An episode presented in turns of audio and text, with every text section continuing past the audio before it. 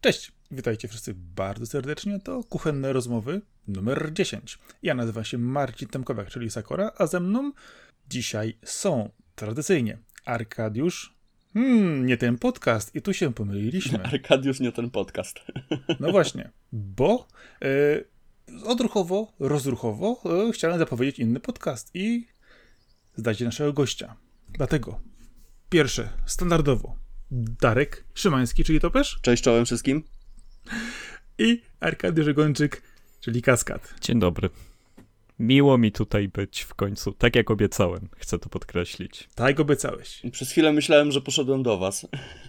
No, a byłeś u nas dwa razy. Tak, byłem, byłem. No, na to samo wychodzi. Okej, okay, to kończąc początkowe mieszanie tropów, y, to Kuchenne Rozmowy 10, standardowo nagrywane z Darkiem, natomiast y, tym pierwszym podcastem, który wspomniałem, jest Lawokado nocą, nagrywane z Arkiem, który y, jest podcastem typowo giereczkowym, gdzie mamy dużo, dużo różnych tematów związanych właśnie z y, graniem i tematem koło, y, około, około giercowymi różnego typu, gdzie Darek też dwa razy u nas gościnnie nagrywał, a tym razem gościnnie w kuchennych rozmowach nagrywa Arek. Więc e, raz Darek, raz Arek, e, ja jestem niezmienny. Myślę, że wszystko tak wytłumaczyłeś, że jest to jasne jak słońce. Wystarczy wiedzieć, że nastąpiła koniunkcja sfer.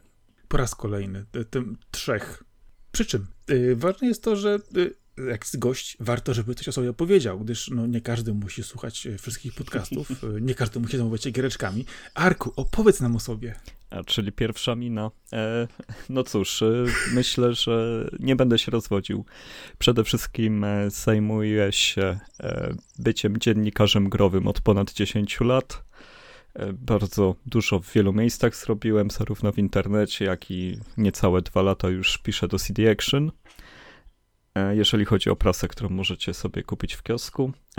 A jeżeli chodzi o zawodową stronę, no to też siedzę w grach i zajmuje się komunikacją, a także rzeczami związanymi, coraz częściej rzeczami związanymi z produkcją w studiu Game Dust w Poznaniu i robimy gry na VR, na platformy wirtualnej rzeczywistości, na Oculus Questa i tak dalej, więc e, no, jestem gamingowy cały, ociekam e, po prostu bitami.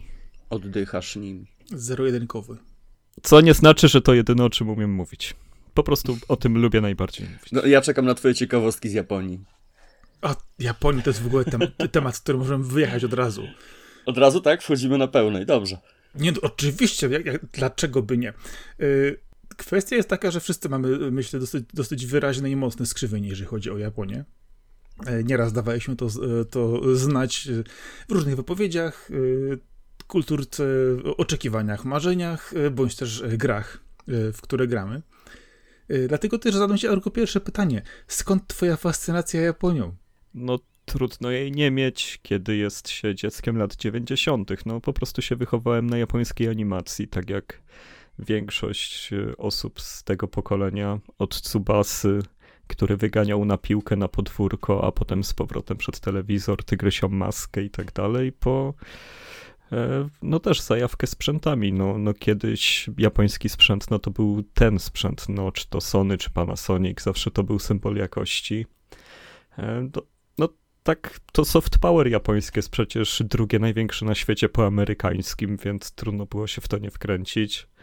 A wiadomo, że magazyny konsolowe, prasa e, związana z grami też to podsycała, bo Japończycy robią zupełnie inne gry niż e, Zachód i bardzo fajnie się to, egzotycznie dla nas to smakuje, fajnie się w to zagłębiać i to poznawać, więc to była taka osmoza kulturowa. Byłem tym otoczony, zresztą wszyscy jesteśmy otoczeni rzeczami z Azji, I, I tak to już jest. I, a że z tym w tym zostałem, no po prostu lubię to zgłębiać. A wszystko wina Secret Service i recenzji Ghost in the Shell na ostatniej stronie, no nie? E, powiem szczerze, ja e, te pisma związane z Amigą i tak dalej, to ja miałem bardzo wybiórczo. Regularnie to już PSX Extreme i Neo Plus. Mhm. Wcześniejszej prasy to tak e, po prostu pamiętam, że rodzice mi kupili Amigę 600 e, i osoba, od której kupili, dała mi od razu skrzynkę starych czasopism, więc e, tylko takie natrapiałem. Kurczę, chciałbym taką skrzynkę. A mam do dzisiaj, no. No proszę. A jest całą zawartością? No, kompletnych numerów tam nie było, ale wszystko, co dostałem, mam cały czas. Fajnie. Bo ja nie ukrywam, że też podobnie pamiętam e, te czasy lat 90., kiedy okazywało się Service przede wszystkim, e, jeżeli chodzi o e, to, w jaki sposób on oddziaływał, jeżeli chodzi o to, co przychodziło do nas z Japonii. Przede wszystkim właśnie giereczki, E, a później też ten cały e, kącik, który e, pojawił się na końcu numerów dotyczący właśnie japońskich animacji. No i notabene też magazyn Anime Guide, który później był wydawany też w ramach. Tak, z tym, że Anime Guide to właśnie, to, to było to samo wydawnictwo co Secret Service, nie? Tak, to było to samo mhm. wydawnictwo, bo tylko 5 czy 6 numerów wyszło? Chyba nie, 4 czy właśnie... mam. Nie wiem, czy znacie tę ciekawostkę, że Anime Guide miało się nazywać Neo. O proszę. Przed Neo Plus. Tam e, Gulasz proponował taką nazwę zrobienie właśnie w Secret Service, żeby e, oni mieli, kiedy proponowali nowy magazyn o tym, że jest no właśnie o kulturze japońskiej, azjatyckiej, a oni stwierdzili, że nie, gdzie tam, Anime to jest lepszym tytułem. I, Czy wiesz, wtedy wszedł Matrix pierwszy, więc wszyscy i, chcieli wszystko nazywać Neo. I, I tak wyszło jak wyszło. Nie no, Neo było przed Matrixem i... O, e, może, okej. Okay. Okay, Oczywiście, że tak. Dobra. E, i, no i potem, kiedy już Gulasz zakładał Indie Press i swoją, e, swoje czasopismo Neo, no to no już miał nazwę Neo i przy niej został, ale oryginalnie to Anime Guide miało się tak nazywać. Była taka propozycja. Ale to ważne jeszcze e, w przypadku właśnie Anime Guide, tych ostatnich stron w serwisie, to pomijam już też same screeny z gier, które często były też elementami z jakichś na przykład zajawek czy różnego typu animacji, które w grach się pojawiały ale co ciekawe, e, takim dużym wkładem, który bardzo mocno też zaznaczył w kwestii przykładowo anime, e, było, pamiętacie, e, kompendium wiedzy wydawane przez Cyket Oj, kompendium wiedzy, tak, załapałem się niestety tylko na drugi tom, pierwszy i trzeci poszły im bokiem, ale o, miło wspominam. Tam były po prostu ogromne artykuły, prawie że takie, że prawie że, prawie, że reportaże momentami książkowe. Dla tych, co nie wiedzą, też... to było około 300 stron z kawałkiem y, w małym formacie, ale wydany po prostu w formie książki. To był zbiór właśnie różnego rodzaju artykułów, felietonów, na przykład nie wiem, rysowanych przez y, czytelników mang nawet, nie? Mang, dużo właśnie takiej skondensowanej wiedzy, której często nie dałoby się w czasopiśmie przekazać. Y, na kilkadziesiąt stron różnego typu tematyczne artykuły dotyczące i gier, i, i animacji, i innych elementów. Zrobiono to też w takim stylu charakterystycznym dla czasopisma e, Secret Service, w, w ich kolorach, oczywiście wiadomo w mniejszym formacie, o wiele grubsze, z tego co pamiętam, okazało się tego oficjalnie trzy numery później e, z powodu różnych e, perturbacji były jeszcze robione pod inną marką te kompendia, ale to już było coś zupełnie, zupełnie innego. Ale mniej więcej tak w latach 90., na początku też XXI wieku, ta świadomość tej powiedzmy mangowej kultury jeśli, w Polsce jednak się kształtowała. Jeśli dobrze kojarzę, to chyba Kawaii też eksperymentowało z takim formatem mniej więcej jak kompendium wiedzy, nie? Czy, czy mylę z czymś? Było coś poświęcone tylko manzy i anime. E, Kawaii było innym magazynem, który Tak, oczywiście, ale mi chodzi o, o, o wydanie w formie właśnie takiego kompendium wiedzy, wiesz, taka grubsza książka, tam 200-300 stron mniej więcej. Znaczy się, oni wydawali... Chyba Kawaii, ale nie jestem pewien, było jeszcze coś e, takiego. Oni, ja czy wiem o czym mówisz, ja mam tą książkę na półce, e, to było bodajże pod egidą właśnie ich wydane, ale to był taki zbiór felietonów o Japonii, który nie wiem, nie, nie, pamiętam, czy ukazywało się to bezpośrednio wydane przez nie, czy przez któreś wydawnictwo. Była taka pomarańczowa książka, która była też rzeczywiście takim kompendium wiedzy o Japonii. Musiałbym ją znaleźć, bo w tej chwili nie widzę, ale mam ją na półce. Kompendium Kawaii, tak. E, w 2002 wyszedł piąty numer, znalazłem go właśnie na serwisie aukcyjnym. To możliwe, że było tego mm -hmm. więcej. E, czy w, w, tym czasie w ogóle też dużo właśnie prasy drukowanej e, eksperymentowało z e, tego typu wydawnictwami zbiorczymi. Bądź Legenda świetna, pamiętasz? Mówimy o RPGowej legendzie. RPGowym. Tak, tak, tak. RPGowej legendzie, tak, która była takim wyrobiona na wzór magii i miecz. No, ale to też, to też była książka taka na 300 ponad stron. Tak, ale to było właśnie, ja pamiętam to do dzisiaj w Empiku to stało w, bezpośrednio w książkach. Bardzo możliwe, no bo w zasadzie tym było. zasadzie tym było. Takim w sumie, no trudno tego nazwać kompendium. Zbiorem narzędzi, nie... klimatycznych opowiadań i tym podobnych rzeczy, nie? Takim półrocznikiem czas, czasopism w, jednym, w jednej książce wręcz, powiedziałbym. Ale z drugiej strony, jeżeli idziemy jeszcze w kierunku naszej szeroko pojętej japońszczyzny, to dużo elementów w tym czasie jednak było trudno dostępnych. I rozpalały one mocno wyobraźnię, co widać do dzisiaj w przypadku naszej trójcy jednak, że zostało z nami to na bardzo długo. A jaką serię z tamtych lat, pierwszą, którą wtedy zauważyliście, widzieliście w jakikolwiek sposób, czy to była to jakaś zajawka, czy wam powiedział kolega, e, czy koleżanka, czy było to na przykład jakaś zapowiedź na kasecie wideo, e, jaka w tamtych czasach e, seria animacji może też mangi, zrobiła na was największe wrażenie, a jednocześnie też zaostrzyła apetyt i którą dopiero byliście w stanie obejrzeć, zobaczyć, dostać po jakimś czasie i czy to było coś, co rzeczywiście spełniło wasze oczekiwania? No, pierwszą taką serią, którą oglądałem, to na pewno była Tygrysia Maska, do, przez którą do tej pory mnie interesuje wrestling w mniejszym lub większym stopniu. Ale tak, żebym świadomie oglądał anime, to, to też właśnie przez Secret Service było, że E, wiedziałem, że Ghost in the Shell to Ghost in the Shell i to był chyba pierwszy film kinowy, jaki widziałem, nagrywany jeszcze gdzieś po znajomych na Kanal Plus, bo mało kto miał Kanal Plus.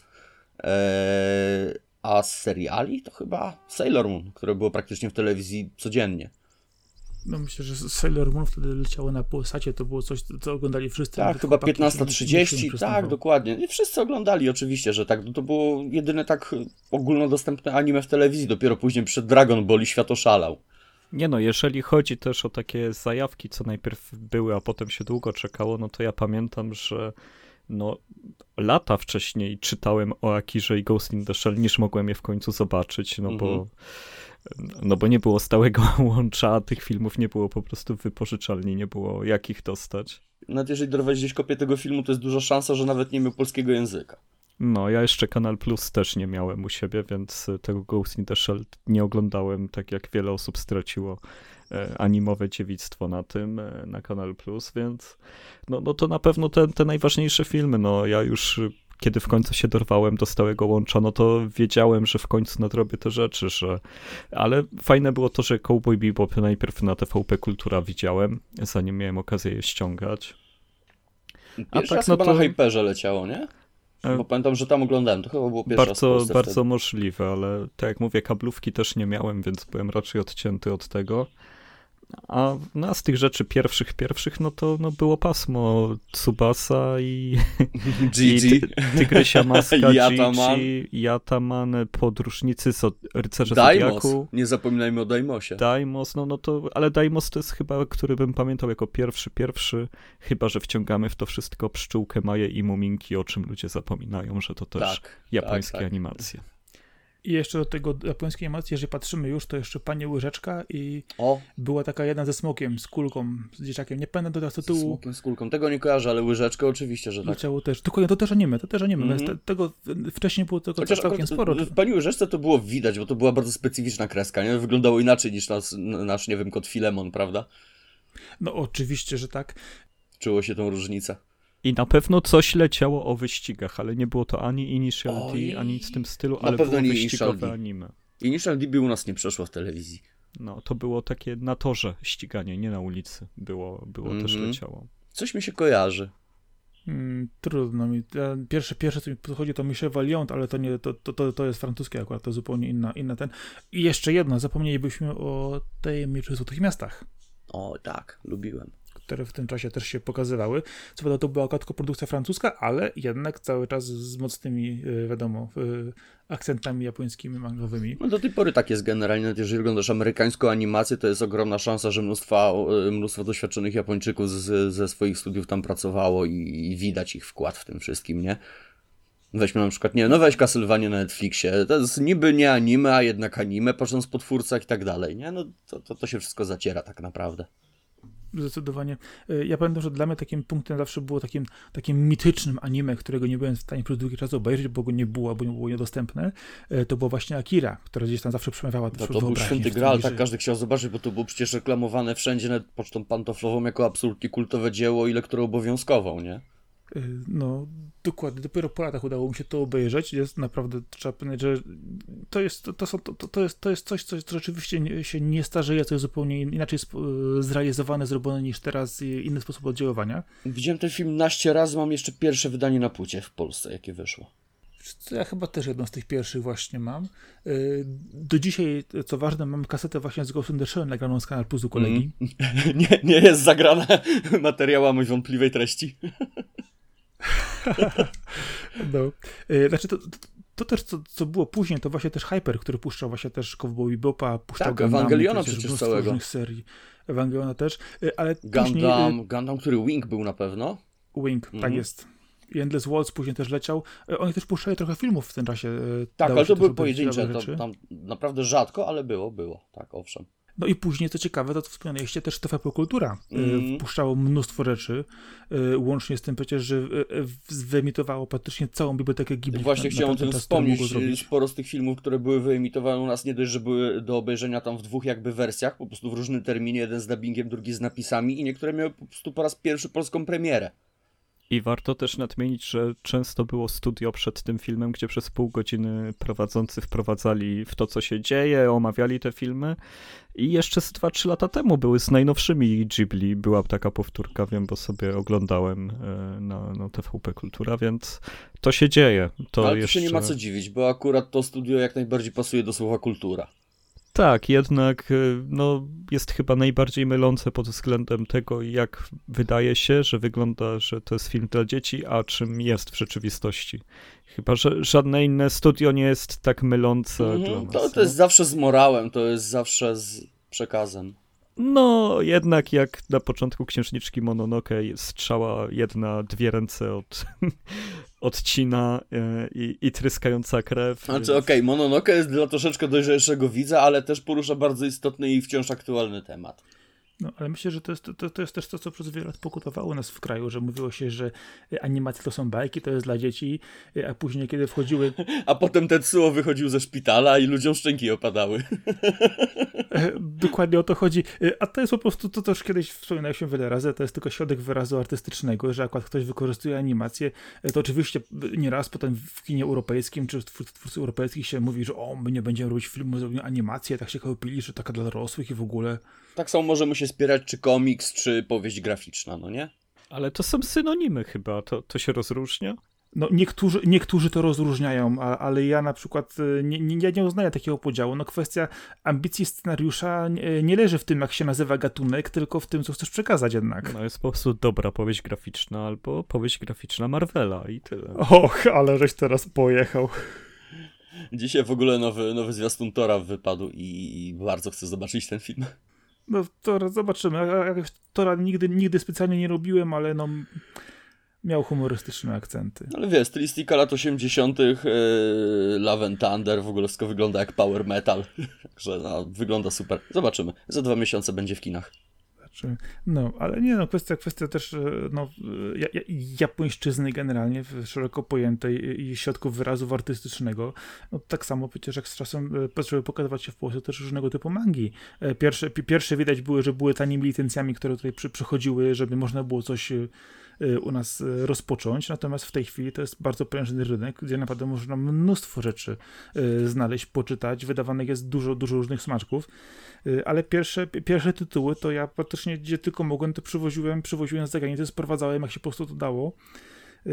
A nie ukrywam, że w przypadku akurat najpierw filmów może, to żeśmy też kiedyś zamówili z kolegami na wideo Gunsmith Cats, jak dobrze pamiętam, Oj, to tak. po prostu przeżycie, obejrzeć coś po prostu w tamtych czasach na nowego, niesamowitego, co w ogóle nie było dostępne.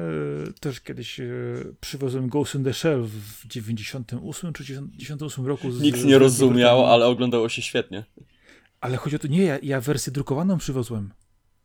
Ja przywiozłem z Wielkiej Brytanii, tylko przywiozłem po prostu, zrujnowałem się strasznie w funtach. Nie, no wtedy. nadal chodzi mi bardziej o, o treść samej, samej mangi, tak?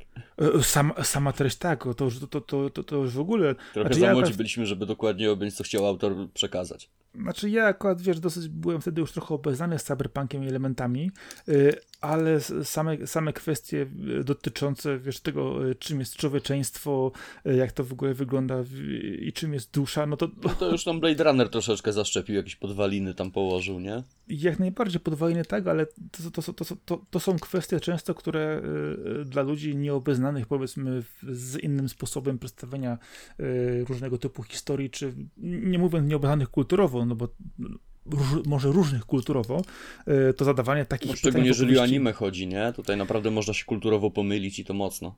Yy, tak, ale też właśnie kwestia tego typu, że zadawanie takich poważnych pytań w komiksie, a komiks przecież też jest tylko dla dzieci, yy, to już było takie strasznie mylące, no ale no, miejmy, powiedzmy sobie w ten sposób, no, spostrzeganie się z czasem zmieniło, yy, jest ono o wiele do, dojrzalsze i no, w tej chwili jest już coraz praktycznie bardziej normalne postrzeganie opowieści graficznej czy komiksu jako normalnego medium, ale... Tak, dlatego, że wżarło się już na stałe do popkultury, tak? To coś, co kiedyś było trzeba sprowadzać, teraz jest wszędzie. Tak samo masz z anime, tak samo masz z grami. To jest po prostu akceptowalna, normalna gałąź rozrywkowa, a nie y, coś, co raczkuje i ci to dopiero wymyślili w cudzysłowie. No, e, dla niektórych to raczej jest kwestia tego, że zaakceptowali, bądź też do nich to, to, to wreszcie dotarło e, z ilością po prostu bodźców i środków, a, a nie tylko... Znaczy, myślę, że wiesz co, już przynajmniej drugie pokolenie się rodzi ze świadomością, że tata ma mangi na półce, więc dla nich jest to zupełnie naturalną rzeczą. No, dla moich córek jak najbardziej. Tylko no więc właśnie. A to, co tam jeszcze masz? Mogę poczytać? Nie, akurat no, tego nie. nie, akurat nowego? tego nie możesz. I sięga mi po Darling Franks, nie? Nie, nie, nie, nie, dziecko, to jeszcze nie. Coś u Rushihary. No, nie, dlatego też jak, jak potrzeba kupić, to od, mają swoje tytuły do poczytania. Ja mam swoje i nie mam tutaj problemu z mieszaniem pewnych rzeczy, przynajmniej jeszcze nie w tym wieku. Kiedyś sobie poczytają, nie? Jak będą chciały, oczywiście. No. Albo już Ale... dawno czytały, tylko o tym nie wiesz. Cicho. Nie, ty mi tutaj, wiesz, nie, nie herezji. Ja wychowuję moje, moje córki w, do, w, w dobrym duchu e, popkultury pozwala im wybierać. Absolutnie nie przeczę, tylko pamiętaj, że dzieciaki bywają bardzo kreatywne.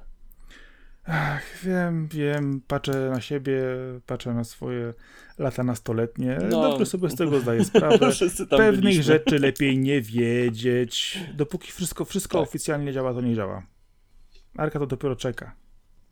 No, trochę młodszy, młodszy, młodszy ale niech się, niech się uczy od tych doświadczonych, że jeszcze chwila i się rozkręci. nie jest lżej nie jest, ale jest wesoło, jest fajnie. Dobra, powiedz mi, Arek, takie pytanie do ciebie w takim razie na, na prosto. Yy, kulturka kulturką, yy, ale zastanawiałem się nad jedną rzeczą. Skończyliśmy kulturkę? Jest.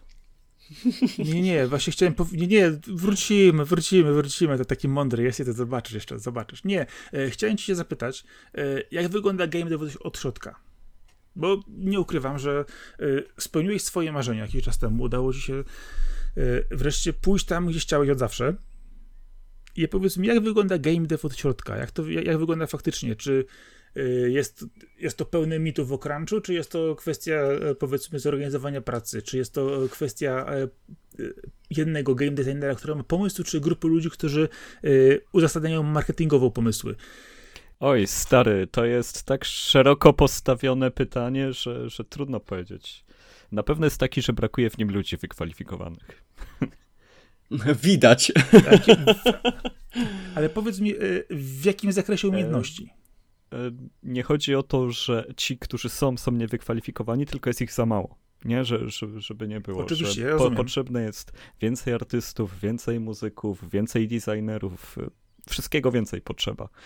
E, ta, ta branża naprawdę mm, no, no jest w rozkwicie, cały czas rośnie i, i ambicje są ogromne. Każde studio ma swój plan na wielki przebój. No, no i konkurencja jest niesamowita, więc jeżeli codziennie wychodzi 30 tytułów na Steamie, a, a ty przez rok, czy ponad rok, czy nieco mniej pracujesz nad tytułem, w który wkładasz wszystko i, i w ten jeden dzień, kiedy 29 innych się pojawia, liczysz na to, że będziesz zauważony i tak dalej, a nie jesteś, e, wiesz, nie współpracujesz z Activision czy Microsoftem, Sony, Capcomem, kimkolwiek wielkim, e, no, no to się robią ciężary, nie? Ale jak jest game dev? No game dev jest na pewno dla ludzi, którzy chcą go robić. To jest branża pełna pasjonatów, no, no i tym się chyba tak wyróżnia, że E, te rzeczy związane z jakąś tam, wiesz, tu, tu, jakaś nadgodzina, tu więcej muszczenia, tu gdzieś musisz się cały czas uczyć. E, każdy robi to, wydaje mi się, z przyjemności, no bo chce tu być. Bo jakby nie chciał, no to ten sam zestaw umiejętności, które masz w game devie, możesz sprzedać śmiało w innych branżach i będziesz miał i spokojniejszą pracę, i raczej lepiej płatną w przypadku Polski przynajmniej, nie? E, każdy programista może iść do banku, robić aplikację i mieć spokój od 8 do 16 i raz w roku puszczać update, nie? A, a jednak wolą siedzieć w game devie i robić coś nowego, więc no to jest e, cały czas napędzane pasjonatami e, od kiedy tylko się zaczęło. Znaczy powiem ci, akurat wiem, jak wygląda od, od drugiej strony robienia aplikacji bankowych i to nie jest 8.16 i to nie jest jeden update, to jest taka ilość pracy, że e, weekendy, godziny i nocki i jeszcze, jeszcze mało. Są różne kasusy, są bardzo różne. Podejrzewam, że tak. E, a powiedz mi, w takim razie przychodzi taki młody ktoś do was, mówi, no ja umiem rysować, mam pomysły na grę, na scenariusze, trochę umiem pisać, mam trochę pomysłów, e, podoba mi się game dev i chciałbym u was pracować. I co wtedy robicie? Mówimy, że nie mamy rekrutacji akurat.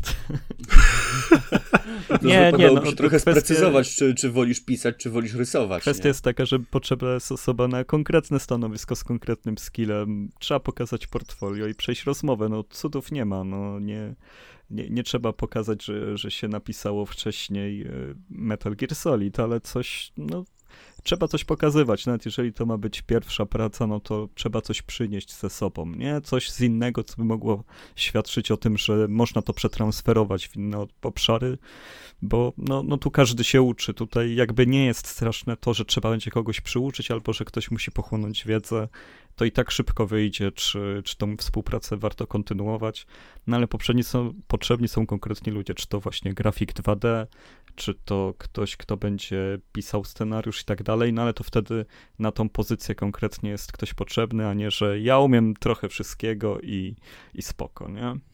Trzeba się, się mocno jakoś tam e, ukierunkować. Jasne. E, a przykładowo, przychodzi e, ktoś młody po skończonych studiach, powiedzmy sobie ASP, e, ma misję, wizję, e, umie rysować ręcznie, ale na przykład e, nie był na kierunku z digitalu. I teraz pytanie, czy taka osoba ma szansę u Was? Czy musi oczywiście mieć odpowiedni skill, tak, żeby tą swoją umiejętność przetransferować cyfrowo? Wiesz co, no trochę naprawdę mnie wziąłeś w niewygodne pytania, ponieważ nie, nie dość, że, że mam krótki staż, to jeszcze nie ja się zajmuję rekrutacją ludzi. E, ale kwestia jest taka, że przy zadaniach e, są zadania testowe. No tutaj zawsze i tak będzie świadczyć to, jak się wypełni zadanie testowe, bo co innego przyjść fajnie pogadać, co innego pokazać portfolio, no ale najczęściej to się i tak kończy tym, że E, dostaje się, nie wiem, e, w poniedziałek maila z, i się jest umówionym na to, że w środę czy w czwartek do którejś godziny trzeba odesłać zadanie, które jest do wykonania. I na tej podstawie można, można jakoś kontynuować rozmowę, coś ocenić, poprawić, albo ktoś sobie z tym poradzi, albo sobie nie poradzi co kto potrafi zrobić w jakim czasie, to jest duży wyznacznik, nie? Dokładnie. E, mamy akurat, jeżeli chodzi o grafików 3D, mamy bardzo podchwytliwe zadania, bardzo skomplikowane, pozornie proste bryły są do zrobienia w krótkim czasie i, i, i to jest fajne zadanie na pewno, żeby sprawdzać. E, to, to coś, co jest e, falochronem, wiecie, złożone są te bryły. Ja nie pamiętam, mm. jak się nazywają. To to wymodelować w 3D jest wbrew pozorom, to jest bardzo podchwytliwe. Jak ktoś to dobrze wymodeluje, to ma dużą szansę na grafika 3D się dostać. Mówisz, mówisz to takie e, cztero, tak, cztero dokładnie. takie wystające takie cztery takie wy, wypukłości. Takie badyle, no dokładnie. To jest bardzo podchwytliwe dla grafików 3D podobno. Ja polegam tutaj na doświadczeniu kolegów, że tak sprawdzają często jakoś wstępnie skilla kogoś, nie? Jak to wymodeluje i w jakim czasie. No, czy kwestia, czy wie, jak do tego podejść, nie? No, zasadzie, aha, o to chodzi. No, wyobraźnia przestrzenna jest ważna. Ale, ale nie, no to, to jest, się przede wszystkim opiera o to, że no, musi być gdzieś otwarta rekrutacja, bo jeżeli nie ma, to naprawdę te studia nie potrzebują ludzi, bo wszyscy są wewnątrz studiów są pełni pomysłów ludzie. To nie jest tak, że ktoś wymyśli grę i komuś ją sprzeda, bo każdy pracownik tego studia ma pięć pomysłów na własną grę i sobie o tym rozmawiają i dochodzą do tego. To zapewniam wszystkich. E, więc czekać na coś konkretnego, i, i szykować się na to, żeby, żeby być gotowym na jakieś zadania, no bo te zadania są najważniejsze, no bo tutaj chodzi faktycznie o skilla w działaniu. E, sprzedać się można, można dojść wysoko na rekrutacji, ale z mojego mm, doświadczenia, z tego co wiem dookoła, no to i tak e, najważniejsze są te e, zadania rzucane na koniec, nie? To skoro te pytania były dla ciebie podchwytliwe, takie wiesz, trafiały cię tak dosyć mocno, co jest twoją działką? Moją działką jest w tym momencie przede wszystkim komunikacja, czyli dbanie o przepływ informacji między tym, co się pojawia w mediach, e, w komunikatach prasowych, w komunikatach też giełdowych, ponieważ jesteśmy spółką giełdową, e, żeby to, co od nas wychodzi, było tożsame z tym, co się faktycznie dzieje w studio żeby nie było tam przekłamań i tak samo w drugą stronę, żeby studio wiedziało, co mówimy, żeby to było potwierdzone. E, jestem takim proksy pomiędzy agencją medialną a, a devami. Nie, ktoś musi umieć pogadać z dwóch stron ze wszystkimi, żeby wiedzieć, co w którym momencie przekazać, jak pokazać, co opracować. A ponieważ studio jest nieduże, no to każdy się zajmuje wieloma rzeczami. E, ja jeszcze produkuję na przykład zwiastuny, pomagam przy, przy różnych spotkaniach, jeżeli chodzi o opracowywanie lore jakiejś gry, no bo też trzeba je sprzedać, więc e, lepiej wiedzieć, jak przygotować materiały promocyjne jeszcze zanim w ogóle ktoś je zacznie rysować, żeby to wyglądało i dobrze w grze, i dobrze na zewnątrz.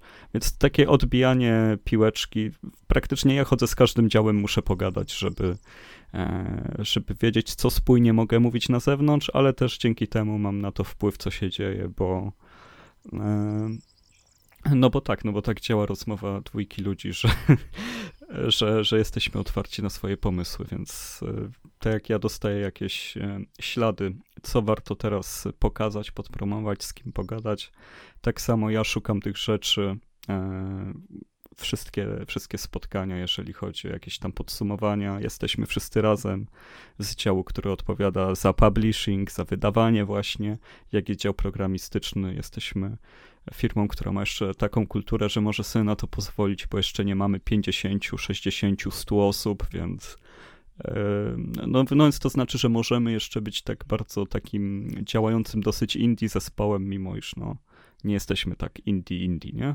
A to powiedz mi w takim razie, y, na jakie problemy najczęściej natrafiasz na, na swoim y, stanowisku? Wiem, że na pewno w takim razie, że jesteś w komunikacji, y, to rozumiem, że jesteś pier pierwszą linią oporu, jeżeli chodzi o przyszli kodzika, albo ja wam tu zrobię, zrobię recenzję, a wy mi coś dajcie. Tak, na przykład, tak, tak, ja, ja to robię też. Do, do mnie przychodzą prośby o kody, między innymi. I jak to wygląda? Weryfikacja takiego chętnego. Nie no, weryfikacja jest prosta, no to się patrzy na, tak naprawdę na liczby na social mediach, nie? I jeżeli faktycznie ten mail można odnaleźć i jakoś spiąć z tym, to no to wtedy można to zweryfikować. Poza tym oczywiście są kuratorzy Steam, no to tutaj już jest Steamowy system, który działa. No, no tak, tak to wygląda, no jeżeli chodzi o szykowanie różnych komunikatów, rzeczy, to co mi tam co jest największą przeszkodą? No to terminy, jak zawsze. ja, ja jestem po prostu środkiem, który musi ustawić na przykład, wiesz, materiały od produkcji z montażystą, z terminem, kiedy możemy opublikować coś w mediach i tak dalej. E, więc jeżeli ja tego dobrze nie ułożę, to wszystko się rozsypie. Tak zwyczajnie. A wbrew pozorom dużo rzeczy może się rozsypać, kiedy są, nie wiem, 4, 5, 6 etapów, e, pięć różnych osób bierze w tym udział i starasz się to spiąć. E, tym bardziej w wielu tytułach, bo też e, pracuję przy więcej niż jednym, więc e, no, najważniejszym narzędziem jest kalendarz, naprawdę. I oczywiście pisanie maili. A możesz zdradzić, nad iloma tytułami tak liczbowo teraz pracujecie? No mogę, bo wszystkie mamy ogłoszone, cztery. To zawsze jest tak, że nawet jeżeli pracujesz nad y, jedną rzeczą, nie na nim się powiedzmy skupiacie, to tam gdzieś zawsze kiełkują pomysły, ktoś je notuje i, i tam wiesz, może być zalążek drugiego czy trzeciego projektu, nie? No ale my jesteśmy w fazie aktywnej promocji czterech tytułów naraz, nie? Mm -hmm. nie to nie jest, że, że coś się rodzi z tyłu. Ja już macie po prostu konkrety, że, nie? Że prototypy też się tworzą, byliśmy w długiej fazie prototypowania. E, w zeszłym roku, zanim wybraliśmy, co dalej robić, więc to też swoje zżerało. A jakie plany na przyszłość? Kolejny. Yy, nie, pytam Stary, nie. nic nie, nie mówię. Ile, ile, ile oddziałów, ile osób? Nie, no chciałem, chcia... nie, chodzi o to, planujecie więcej ludzi, więcej gier, więcej oddziałów, y, czy raczej utrzymujecie się na, na poziomie zarządzania, powiedzmy, nie wiem, tego co mamy i będziemy sobie spokojnie sobie drążyli tematy? To, to są pytania do szefa studia, najlepiej prezesa firmy. Jasne, jasne, wiadomo. Dzwoń, dzwoń do niego. Dzwoń od razu. Dzwoń, dzwoń teraz. No, no. A powiedz mi w takim razie, jak, jak się czujesz po drugiej stronie parykady? Przez wiele lat tylko grałeś. E, zajmowałeś się jednak e, odbiorem kultury, popkultury w różny, w różny sposób, e, kiedy zajmujesz się jej tworzeniem, to naprawdę w różnym stopniu, jak ci się podoba, jak odbierasz to właśnie będąc po drugiej stronie, kiedy rzeczywiście jesteś jednak odpowiedzialny za treści, które wychodzą na zewnątrz i za ich odbiór. Oczywiście sama branża jest świetna i niesamowita, jeżeli chodzi o liczbę talentów i ludzi, którzy naprawdę chcą się uczyć i wiesz, spotykasz ludzi, którzy grają, tak grają i analizują te rzeczy. E, no ja bardzo późno się tu dostałem, więc przez te lata bycia dziennikarzem już tyle razy się znudziłem pisaniem zwykłych rzeczy i czytaniem zwykłych newsów, że e, czy też przeczytałem i tonę książek, bo obejrzałem tonę wywiadów, dokopałem się do masy rzeczy, rozmawiałem z tyloma ludźmi, zanim się dostałem do game devu, że mnie nie zaskoczył większość rzeczy działała tak, jak już zdążyłem się dowiedzieć wcześniej. E, tak e, nieświadomie się przygotowywałem do tego, żeby go dobrze zrozumieć. I, i bardzo mało rzeczy produkcyjnie i, i tak dalej mnie zaskakuje, chociaż oczywiście dalej jest druga tona wiedzy, którą trzeba jeszcze wchłonąć. E, no ale to no mówię, no je, jeżeli się tak bardzo pasjonuje czymś, no to to jest tak samo, jakbyś był prawdziwym pasjonatem kina, no to byś od razu, no to byś w pewnym momencie zaczął wchodzić w to, na jakiej kamerze jest jakiś film, jak się nazywają te kadry, e, dlaczego dźwięk tu tak zadziałał. Ja, ja miałem to samo z grami że żeby się dowiedzieć, kto coś zrobił, jak coś zrobił, czytałem te wszystkie postmortem na Gamma Sutrze i tak dalej od lat, więc e, większość rzeczy, które teoretycznie wiedziałem, teraz mi się potwierdza też, że to nie tylko była teoria, tylko faktycznie praktyka też jest bardzo podobna do tego. E, no ale no to wiem też, że, że tak bardzo zagiętych na ten temat i wkręconych w to e, Game Journal e, jest bardzo mało bo, bo, jest to grono, które też dobrze poznałem i długo siedziałem w dziennikarstwie growym i niestety nie mogę powiedzieć, żeby to było e, aż tak profesjonalne grono, jak, jak często się uważa. I, I, widzę tam bardzo dużo luk, błędów i strasznych, strasznych braków, które są oczywiście spowodowane tym, że nie ma kierunku, który to wyjaśnia, nie ma podręczników do, do nauki o grach, e, a jeżeli ktoś nie chce się tego nauczyć, no to po prostu leci z prądem, leci z flow i tutaj jest takie lost in translation, no, no tracisz te, te rzeczy, które są podstawowe, nawet jeżeli czytasz tego Game Informera i myślisz, że, że chłoniesz wiedzę ekspercką, no to nie, nie umiesz jej raczej przełożyć na polski. To, to tak nie działa, że się poczyta recenzję kogoś, kto, kto jest bardzo, bardzo mądry i potem samemu też się to wchłonie. To ja mam na szybko pytanie yy, do wspomnianej literatury. Mówisz, że brakuje, ale na pewno są jakieś publikacje, które warto przeczytać. Co byś polecił, jeżeli chodzi o tak, takie poletko game devowe? E, no, Wiesz co, na pewno książkę Aski Wata, Satoru Iwaty, no to jest książka równocześnie o zarządzaniu. E, pokazuje, jak można być zarówno genialnym programistą, jak i bardzo dobrym człowiekiem, dobrym szefem, który e, no, no jest wzorem, złotym człowiekiem. Tutaj nie, nie da się. legendarna postać. Nie, nie da się na niego nic znaleźć i to nie jest żadne wybielanie. Wspaniały człowiek i, i naprawdę no, tona, tona roboty, jakiej wykonał i jego podejście do ludzi to jest coś niesamowitego. E, między innymi on miał zasadę, żeby dwa razy z każdym pracownikiem w roku rozmawiać. Każdy miał co pół roku z nim rozmowę. Z Satoru i Watom e, znał tych ludzi, wiedział jak się czują, wiedział czego szukają. Mimo swojej pozycji się tego trzymał do końca kariery, więc bardzo duża sprawa. Mm, no teraz wyszła książka Hideo Kojimy, no ale ona nie jest jakoś tam Creative Gene, to, to jest taka książka zatopiona bardzo w jego świecie, z odniesieniami do filmów, które go inspirowały, które są dla nas zupełnie nieznane. E, ciężko się to czyta tak naprawdę. No ale te wszystkie publikacje, Hardcore Gaming, e, jest ta strona Hardcore, Hardcore Gaming 101, no to zawsze była skarbnica wiedzy, teraz już jest z nią dużo gorzej, ale stare książki, które wydali są niesamowite. Jest e, Boss Fights Books, chyba się nazywają.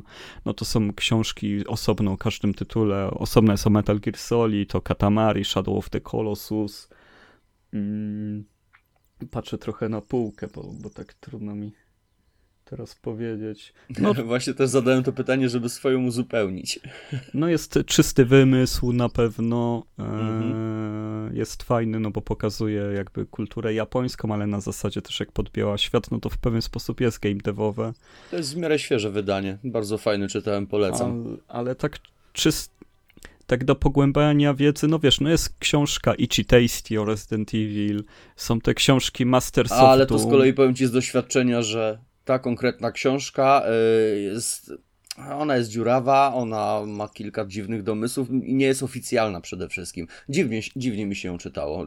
Ciężko mi się do niej odnieść jako rzetelnego źródła jakoś. Jasne, no i właśnie to jest ten problem e, nauki tych rzeczy, bo, bo nie ma książek, które są pisane. Branża gier jest tak związana NDA-kami. Masz, podpisujesz takie umowy, przez które nie możesz nic powiedzieć że się nie dowiadujesz rzeczy o grach po prostu. Bardzo trudno to wyciągnąć. E, I, e, warto na przykład brać te wszystkie albumy, które zbierają, albo wszystkie gry JRPG, albo gry z jakiejś epoki. Są e, Obscure Video Games, książki, gdzie ci pokazują z jakichś platform gry, o których nigdy nie słyszałeś. Te wszystkie rzeczy jak historia Sida Mayera, no, no to są rzeczy, które trzeba sobie samemu posklejać potem E, Mechner teraz ma, teraz, e, ma książki o Prince of Persia, o karatece. E, jest, jest tego masa, ale to są rzeczy, które ma, pokazują ci bardzo drobny wycinek czegoś, albo bardzo ogólny, więc twoje składanie tego jest tutaj kluczowe, ale, a nie ma takiego podręcznika, który nauczy ludzi jak się zagłębiać w gry, jak je poznawać, nie daje narzędzi, nie, nie daje sposobu wykształcenia się. Ja, ja na przykład mi się w głowie nie mieści, jak można kochać gry wideo i, i nienawidzieć Nintendo, które jest zarówno podwaliną, jak i kwintesencją gameplayu, a, a jakbyś pomyślał, ilu dziennikarzy w Polsce pisało teksty o tym, co jest dobre, a co złe, jednocześnie plując na całkowite podwaliny tej branży, E, to, to się nie dzieje. To w kinie tak nie ma, że, że, że ktoś pisze o kinie, a nie widział, e, wiesz, Feliniego, czy, czy też, no, nawet Polańskiego filmów e, w ogóle.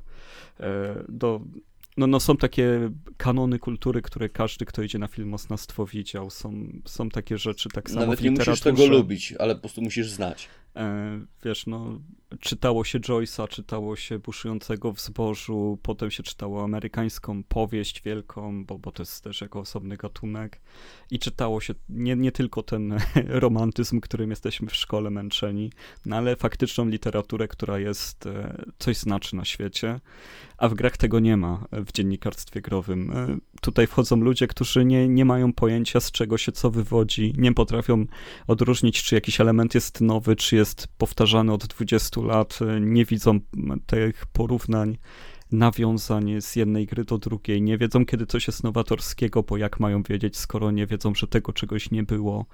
Są ogromne braki. E, rozumiem, że może nie trzeba wszystkiego lubić, ale no, no są takie kamienie milowe w historii te, tej rozrywki. Są sprzęty, które trzeba poznać, trzeba chociaż je chwycić do ręki. E, ja mam bardzo purystyczne podejście do tego. Dla mnie siedzenie na jednej platformie i tylko od momentu, kiedy zacząłem na niej grać w przód, sprawdzanie rzeczy, to jest coś, co kompletnie dyskwalifikuje jako dziennikarza. E, oczywiście gracze mogą robić co chcą, ja tylko mówię z perspektywy tego, kto się nadaje na krytyka, bo e, od krytyka powinno się wymagać jednak e, histo znajomości historii jego medium, e, posiadania narzędzi i pogłębiania cały czas swojej wiedzy także na temat tego, jak to medium powstaje, a ja tego nie widzę w Polsce. Widziałem to w dosłownie kilku przypadkach i wszystkie te przypadki teraz siedzą w game devie zamiast dalej pisać o grach. Ja mam takie często wrażenie, kiedy nagrywamy Lewokado nocą na temat giereczek, że ty rzeczywiście jesteś bardzo krytyczny i bardzo zasadniczy, jeżeli chodzi o kwestie y, gier, tego, co było, kiedy było, w jaki sposób, kto się jak nazywa, jaki był tytuł, w którym to było roku, wszystko masz bardzo mocno poszeregowane i ułożone. E, czasami mnie to dopada do szewskiej pasji, ale e, szaduję to, bo ja często nie zwracam na to uwagi, bo nie pamiętam wszystkich faktów. E, I teraz pytanie w takim razie. Kiedy napiszesz taką książkę, która to porządnie zbierze i omówi? Skoro takiej nie ma, to ty jesteś osobą, która jednak tą wiedzę ma, która widzi te momenty kluczowe, momenty, momenty styczne, momenty powtarzalne w, w game devie w różny sposób. Czy tą książkę napiszesz? E, bardzo bym chciał, ale też widzę swoje luki przez to. wiem ile nie wiem.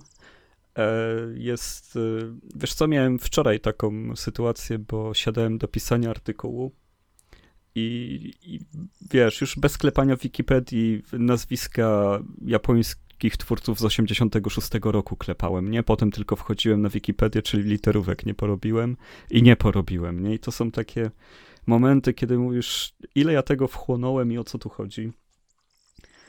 E, e, dlaczego wiem, kto, kto co i kiedy robił i, i kto był twórcą jakiego cyklu. No ale no, no to jest to zaangażowanie, które powinno się wybijać w tej pracy. E, I, I czy ja mogę komuś pomóc poprzez taką książkę? Na pewno bardzo bym chciał zrobić jakąś serię felietonów, artykułów, które jakoś to wprowadzają. E, ty, tylko nie umiem sobie obrać ram szczegółowości tego, bo, bo cały czas, bo, bo wyjdę z tym, że, że niby tak wszystko wiem, a i tak sam będę wszystko ucinał, no, no bo inaczej Słuchaj, się mam nie propozycję. Da. Y, namów CD Action na kompendium wiedzy. To, to nie są takie proste sprawy, poza tym... Domyślam się, ale warto było spróbować, nie? E, no, no poza tym też, no, no jest ta kwestia tych luki i tego, mm, tego przechodzenia różnych branż między siebie. E, same zalążki każdego gatunku są też trudne do uchwycenia często. E, no, tak, bardzo bym chciał kiedyś podjąć próbę wytłumaczenia tego, co, co nie jest tłumaczone, bo widzę w tym lukę i, i, chciałbym się za to zabrać, no ale najpierw muszę robić rzeczy, za które dostaję pieniądze, a potem myśleć o tych, które tego nie robią, a te, które tego nie robią, to robię dla przyjemności jak na przykład nagrywanie podcastów, e, dalsze granie, dalsze czytanie, kształcenie się, pisanie artykułów na Lawokado, czego od też jakiegoś czasu nie robię i nawet tych rzeczy jest tak dużo, że, że w nich muszę odejmować. No pamiętam właśnie, że zarzekałeś się dość niedawno, że będą teraz regularne wpisy, tak coś nie bardzo. No teraz, czas rozumiem. teraz jest czas, kiedy biorę zlecenia, bo mam możliwość brać zlecenia. Więc... Nie no jasne. Tak Jeżeli jest tylko gdzieś jakiś pieniądz na horyzoncie, to warto za niego sięgnąć. No, wiesz, złoty mocniejszy nie jest, nie? Więc... No, nie jest, ale się przydaje tak czy inaczej. No, no właśnie w tym sensie mówię, że, że złotego trzeba mieć coraz więcej, i, a nie coraz, a niestety e, to, tak już to wszystko jest ułożone. No myślę, że kwestie brania zlecenia na zewnątrz to też przez wiele lat przerabiałem. E, teraz dokładnie zupełnie mi ich brakuje, bo nie jestem w stanie tego ogarnąć czasowo, więc doskonale wiem, o czym mówisz. E, ale patrząc jeszcze na to, e, jak ty masz ogromną wiedzę na temat gier, ogólnie z czym się je, skąd są, skąd się to bierze, ja to bardzo szanuję, dlatego że mm, czasami może się z tego nabijam, bo gdzieś tam mi to coś umyka, ale naprawdę dla mnie, dla mnie to jest niesamowity po prostu no, pokład wiedzy, jeżeli takie po prostu, jakie w tobie czasami y, widzę drzemią.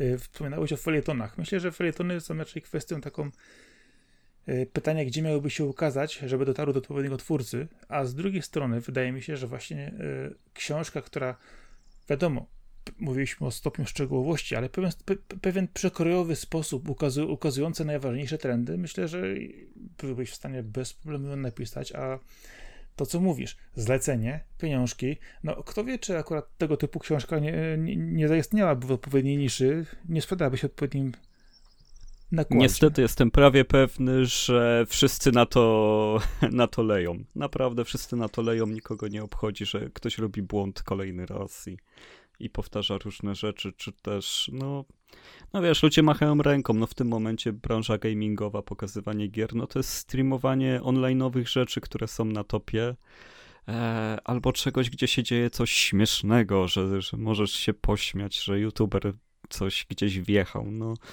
e, to no wiesz, to, to nie jest kompletnie mój obszar zainteresowań, jeżeli miałbym coś takiego tym się zajmować, a też szkoda mi wrzucić całe serce w coś, co, co wiem, że będzie nieprzydatne. Przynajmniej na ten moment mam taką optykę, że, że nie czuję zapotrzebowania na to. Wszyscy żyją absolutnie dobrze bez tego. No to, to, akurat kwestia tego, e, jak funkcjonuje współczesny internet, e, głupie filmiki, e, co się oczekuje od osoby, która udostępnia, utworzy dane treści, to jest temat rzeka, który na wielu poziomach, myślę, nie tylko w giereczkowej jest obecny, tylko na powiedzmy kwestii jak najbardziej rozrywkowej. Y, natomiast jeżeli patrzymy na książki, patrzymy na rzeczy, oczywiście ukazuje się też dużo rzeczy specjalistycznych kierowane do konkretnych y, osób, konkretnych branż, y, ale czy mówimy o pomyłkach na polskim rynku, a czy na przykład stworzenie tego takiego tytułu anglojęzycznego też wchodziłoby w grę?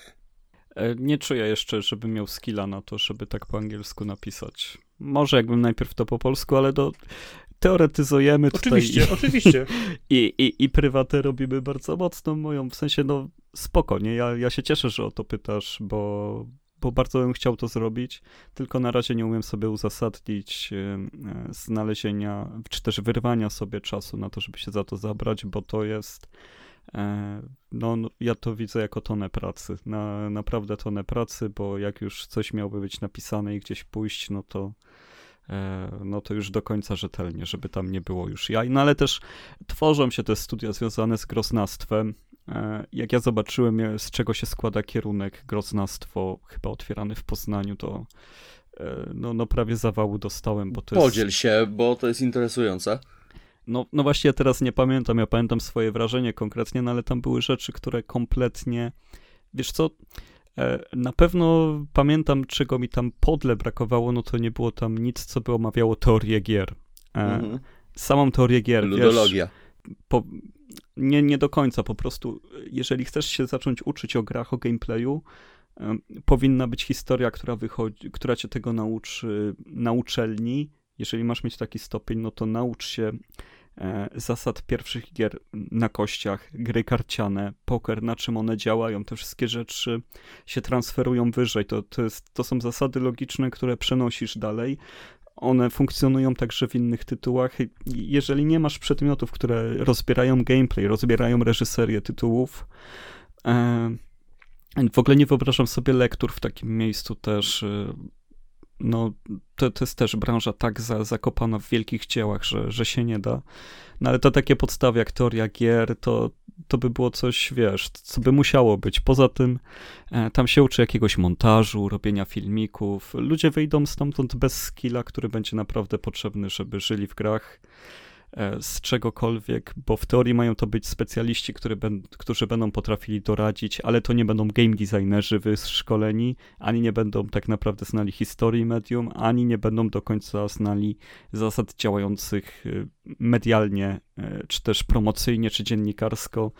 Ja to widzę jako takie zawsze się śmiejemy, że kulturoznawstwo jest niepotrzebne, no to jest to takie turbokulturoznawstwo, nie? Czyli w dużym skrócie potrzebny byłby... Mm, dobry program, bo po to się da zrobić. Dobry program, tak, właśnie ten, dobry program oraz dobry materiał dobry. źródłowy, prawda? No, ale to się da, to, to się da zrobić e, na pewno, z tym, że e, programowo, nie wiem, już ja miałem plan napisać do, do ludzi, którzy to ułożyli, że, że, że tutaj kompletnie się nic nie klei, ale tego nie zrobiłem, bo to miał być w ogóle list otwarty, tam chciałem walczyć o to, ale mówię, dobra, no, co zrobię, nic nie zrobię. Kij w mrowisko. Nie, nie widziałem też w tym za bardzo sensu, bo, bo też za dużo osób się pewnie nie, nie przejmowało groznastwem. Nie, no wiesz, y, ludzie, którzy wolą mieć wiedzę z CS, a nie z tego, jak się projektuje poziomy, nie? Też, no właśnie, no to jest tak szerokie, że mm, czymś innym jest ktoś, kto umie projektować poziomy 2D, ktoś inny 3D, ktoś inny e, umie zaprojektować to, jak się przez nie przechodzi. No jest tyle zniuansowanych rzeczy, że zrobienie... ludzi wrzuca grafika do jednego wora, nie? A grafik 2D, 3D, animator są zupełnie inne rzeczy. Kompletnie inne, inne, inne predyspozycje trzeba mieć. A takie groznastwo to jest takie... Ja tam widziałem, że naprawdę, no trochę wam powiemy o grach, nie? Takie typowo trochę, nie? Że równie dobrze mógłbyś sobie kupić stare numery właśnie Neo Plus i wszystkie przeczytać i byś wiedział tyle samo. Ta, takie odniosłem wrażenie patrząc na, na program e, te, tego kierunku. Bo z jednej strony patrząc na program, to oczywiście można wszystko pięknie wypisać, a z drugiej strony potrzebujesz osoby, które jednak wiedzą o czym mówią i trochę się na tym znają, a nie są tylko... No to jest właśnie to, co wspomniałem wcześniej. Materiał źródłowy, taki solidny by się przydało opracować, który byłby jakimś takim, no czymś, co będzie się potem przekazywało dalej, nie? W każdym razie, jeżeli ktoś myśli o tym, żeby pracować w grach, no to najlepiej iść na studia związane z trochę inną dziedziną, żeby konkretnie iść na grafika, na rysownika, na programistę, e, na architekta nawet, no bo to jest wtedy projektowanie Oczywiście. leveli. E, na, na rzeczy związane z mediami, no to, to są rzeczy, które potem transferujesz tutaj do branży. Jesteś w stanie to zrobić, wykonać jakieś testowe zadania, żeby zapełnić czymś portfolio, coś pokazać i jest ok, nie? Że typowo takie mm, gamingowe kierunki, wydaje mi się, że jeszcze dużo czasu zajmie, zanim one będą faktycznie się przekładać na, e, na przydatność i zanim będą skuteczne. No, a z drugiej strony też biorąc pod uwagę e, polskie szkolnictwo i uczelnie, to jednak kwestia dostosowania programu, e, zakresu wiedzy i tego, jak one są często mało elastyczne i nieżyciowe, to podejrzewam, że e, trudno byłoby stworzyć tak w miarę powiedzmy aktualny i dobrze skonstruowany program nauczania, zorientowany nawet na kilka specjalności. No i też elastyczny przede wszystkim, bo to jest cały czas zmieniające się jednak branża, zmieniające się zagadnienia ale takie fakultety gdzieś poprowadzić, żeby był przedmiot, nie wiem, e, historia gier na przykładzie rozwoju Nintendo, nie? I, I masz tam fakultet taki gdzieś zaliczasz właśnie na studiach, które są typowo albo kulturoznawstwem, albo filmoznawstwem, no bo tam są wtedy obok takie rzeczy też związane z innymi audiowizualnymi sztukami. No to reżyseria to leży blisko jednego i drugiego. To, to myślę, że żeby to przeszło jako właśnie taki fakultet gdzieś dodany, ale zrobienie całego kierunku tak nazwanego i wypuszczenie ludzi w świat po trzech czy tam pięciu latach, chyba tam są trzy lata, udając, że ich się czegoś nauczyło i będą przydatni, to myślę, że to jest duże oszustwo, przynajmniej w formie, którą obecnie widziałem. Bo uważam, że da się to zrobić dobrze, tylko jeszcze nie zostało to zaproponowane, przynajmniej u nas. Nie? No. To, to, jest, to jest ta kwestia. To nie jest tak, że baszuje samą ideę, ale mm, obecne wykonanie. Ja myślę, że. W, w ten sposób to rzeczywiście wymagałoby to stworzenia kierunków y, z jednej strony przedmiotów fakultatywnych, które opisywały przykładowo historię gier czy zasady mechaniki działania pewnych elementów w game devie, a z drugiej strony, jeżeli już to równocześnie byłoby to już specjalizacja, czyli programowanie level design na przykład, bądź też kwestie dotyczące samej grafiki, gdzie rzeczywiście ktoś y, wybierając ten kierunek od razu wszedł, kształciłby się w konkretnej jednej powiedzmy y, specjalizacji, natomiast tym elementem wspólnym byłoby to, jak no, przekrojowo i szczegółowo nakreślić tym osobom, z czym to się właściwie je, w jaki sposób są budowane gry i jak wygląda ich historia. No, tylko, że pytanie, kto to zrealizuje i czy to tak naprawdę ma, szansę na powstanie bo z jednej strony mówi się, że game dev to są e, ludzie młodzi, ludzie z pasją, ludzie, którzy przede wszystkim e, chcą te gry tworzyć, mają na nie, na nie pomysły, a niekoniecznie ludzie, którzy chcą iść na kierunek związany z przykładowo szeroko pojętym game devem, będą tymi osobami, które będą miały w sobie powiedzmy te pokłady y, twórcze, y, a nie będą po prostu tylko osoby, które będą chłodnie kalkulowały, że no tam jest kasa, tam idę. No to wiesz co, to jest trochę tak, że to jest rynek zdominowany przez pasjonatów i to się raczej nie zmieni, bo tylko pasjonaci mają praktycznie szansę coś przepchnąć, coś zrobić i będą mieć wiedzę w danym zakresie. Wiesz, ktoś po wypuszczeniu z takiej e, szkoły powiedzmy, e, to, to trochę jak po liceum, tak? Wszystkiego po trochu, nie wszystko do końca, nie? E, wiesz co, no, najkrótsza droga, jeżeli komukolwiek by mógł coś doradzić do game devu, to jest albo nauczysz się Unity na poziomie junior, robisz sobie kurs przez rok, dwa lata i możesz aplikować, albo zagłębiasz się w tematy związane z UX-em i UI-em, czyli te wszystkie rzeczy, jak powinny wyglądać menusy, jak powinny wyglądać aplikacje, jak jest coś wygodne, coś, co się przydaje właśnie w każdej branży w tym momencie związanej z używaniem czegoś elektronicznego od strony www po właśnie projektowanie apek. E, to jest tak samo przekładalne na gry sprawdzanie, gdzie powinien być jakiś przycisk na ekranie i tak dalej. To jest wiedza, która jest mega, mega konieczna, żeby zrobić dobrze grę, żeby Znaczy, wszystko jeżeli było wygodne. psycho... Nawet jeżeli jesteś psychologiem, to też masz szansę pracować przy grach.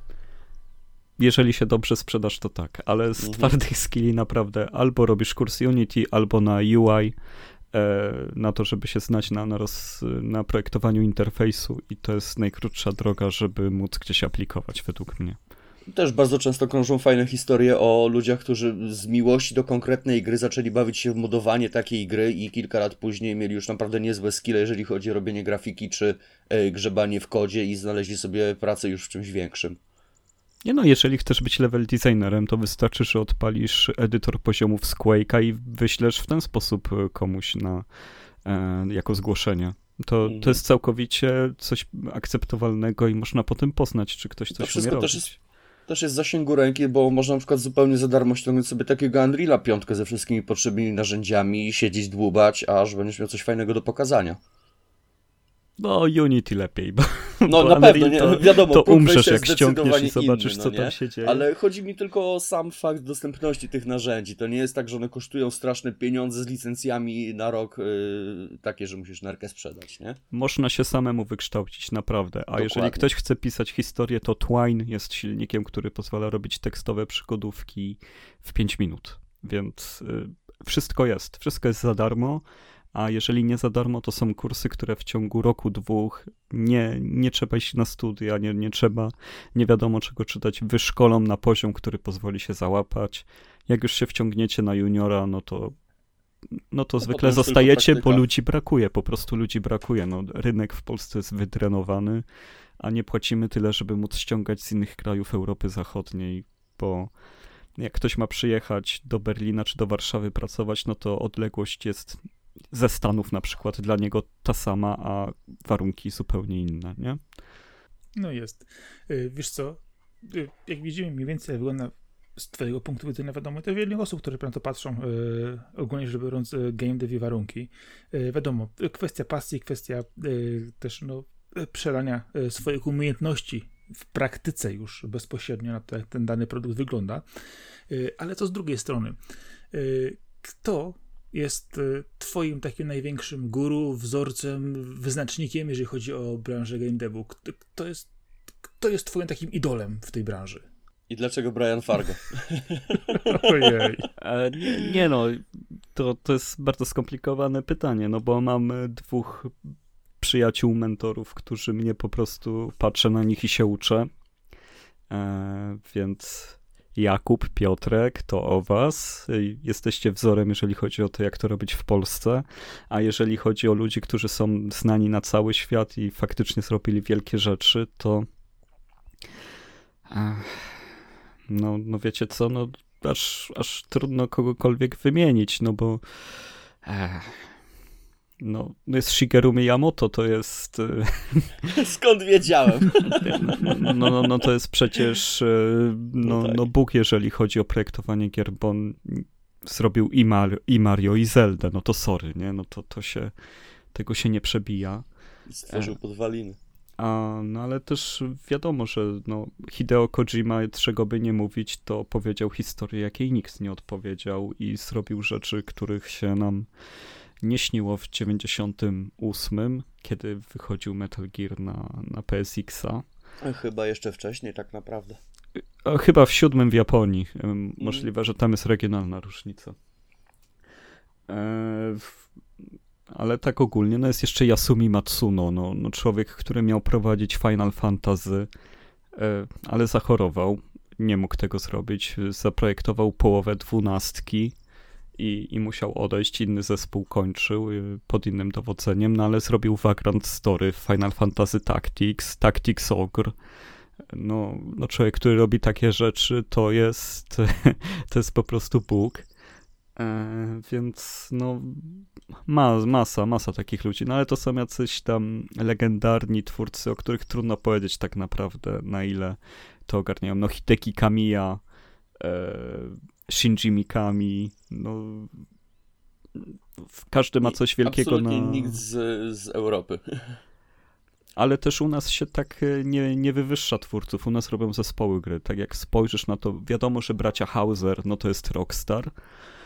E, I myślę, że teraz, kiedy jeden z nich, właśnie nie pamiętam, czy to Brian, odszedł, to będzie to według mnie widać przy kolejnym GTA, bo on pisał Red Dead Redemption 2 i wszystkie inne gry ich, więc, więc to będzie widoczne. E, no ale tu u nas tak twórcy nie wychodzą przed szereg. Dopóki nie powstało indie, indie branża, no to nie słyszeliśmy o tym, że nie wiem, Phil Fish, jak, jaki by nie był, no to Feza zrobił, nie? E, I, I, trzeba to docenić. Peter Molinie, dla mnie super Piotruś, nie? Ja, ja, ja zawsze będę fanem Fable i, i brakuje... Black and White, a potem zaczęliśmy stukać w kostki. I brakuje mi tego kolorowego ptaka, który mógłby być twarzą projektu, no ale jak pomyślisz, kto zrobił Tomb Raidera, ja teraz ci nie powiem. Nie wiem, kto tam jest odpowiedzialny jako e, twarz. Kto robił Soul Rivera? No wiadomo, Crystal Dynamics, czyli kto? E, to... to przestały być takie autorskie projekty bardziej. No, więc... Mniej więcej tak, takie są odczucia, nie? Więc jako taki guru, no, no to cofam się do początku i Shigeru Miyamoto, bo, no, no bo nikt inny chyba na, na, takie, na takie coś nie zasługuje, no chyba, że właśnie e, Satoru Iwata. Ja bym jeszcze dorzucił od siebie Shinjiego Mikamiego. I no. Akira Yamaoka oczywiście. No ale to już człowiek, który grał na gitarze, nie? E, tak, ale był na przykład głową całego Team Silent, które stworzyły Silent Hill od 1 do 4. Też. To Też. były tak naprawdę jego gry. Że no. robi przy okazji soundtrack, to inna A, sprawa. z zachodnich to przepraszam. Jason Rubin. Jason Rubin. Od kiedy odszedł z Naughty Dog nie podobają mi się gry Naughty Dog. Czyli po Jack and Dexter. Jacku 3. E, bardzo szkoda, że ten człowiek e, nie. Czyli co, Jack, Jack wyżej niż Uncharted, tak? Bez zająknięcia. To, Mamy to, to, na nagraniu. To są gry, w które się lepiej gra, są dłuższe, oferują więcej swobody i lepszy scenariusz. Bez zająknięcia. O wow. Szybka recenzja. Nie no, jeżeli chodzi o recenzję Uncharted w wykonaniu Arka, to jest ona zawsze bardzo, bardzo krótka i, do, i dosadna, więc myślę, że to akurat... No, no, rozumiem, rozumiem. Nie, nie, nie ma co e, roztrząsać wyższości akurat tych tytułów e, jednego nad drugim, ale Arek, wiesz o kulturce wcześniej, że się od niego uciekniesz, że nie będzie i tak dalej. Y, nie ma takiej możliwości. Y, jako, że ty zwykle y, na awokado nocą wycinałeś mi kulturkę, po czym ją wysiałeś totalnie.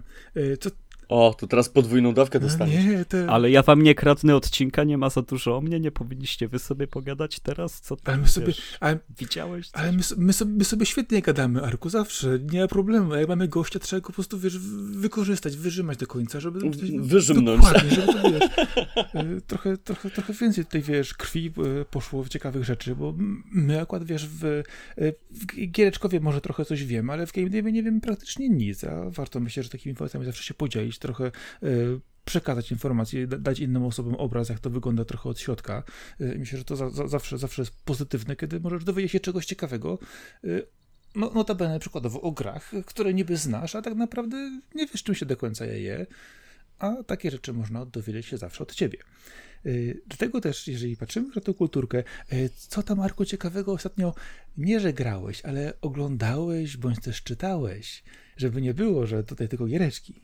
Ach, dobrze. A jeżeli chodzi o to, co oglądałem, to ostatnio nadrobiłem Lighthouse. Nie wiem, czy tam jest polski tytuł. Latarnia, po prostu. No, no to jest ten film z, Wille, z Willem Dafoe. Willem Dafoe, i, tak. I przepraszam, ale, ale, zapomniałem e, imię Batmana. Pattinson. Pattinson. Robert Pattinson. Tak. No, Taki trochę horror, trochę komedia. Dla mnie dosyć straszny film, gdyż czarno-białe rzeczy są e, nacechowane taką nie wiem, zawsze pamiętam ten Nosferatu, mi, mi się przypomina. Zauważy... Tak, no.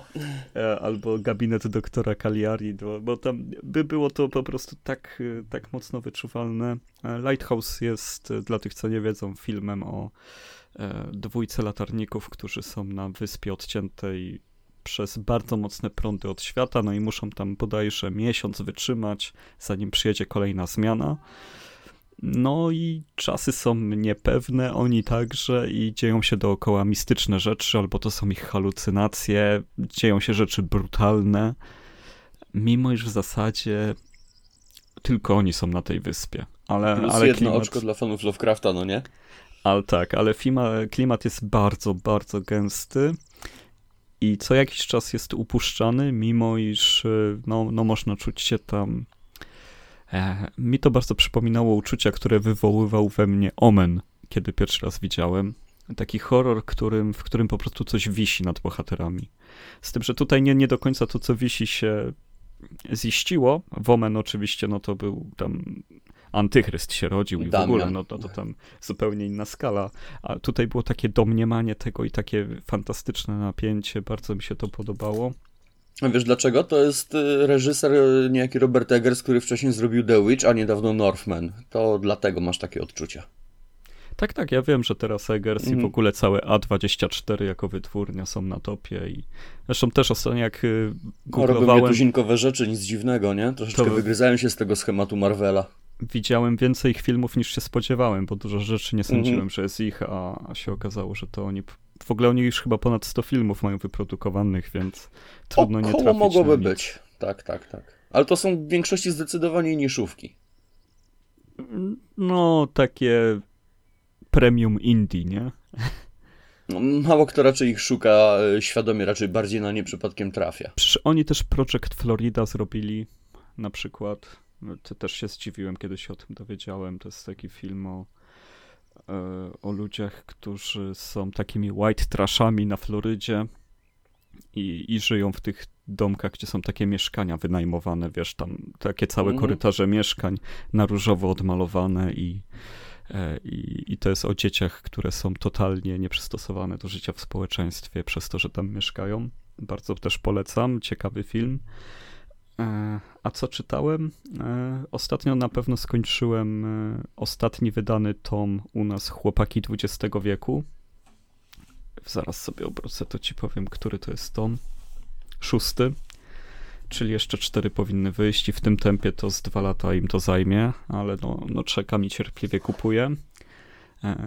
Komiks Chłopaki z XX wieku to jest genialna epopeja osadzona w, w rzeczywistości magicznej, która się teraz dzieje, e, rozpościera się na ponad 40 lat życia bohaterów. No, ja uwielbiam takie rzeczy, które trwają tak długo i są osadzone w historycznych wydarzeniach i mieszają je z czymś, co jest całkowitą fikcją, dodając do tego jakąś tajemnicę. Jest to książka o tym, jak grupa dzieci wymyśliła sobie koniec świata, kiedy był, nie wiem, 60 któryś rok w swoim szałasie, a potem jak dorośli, to się okazało, że ten koniec świata zaczyna się wydarzać tak, jak oni go opisali.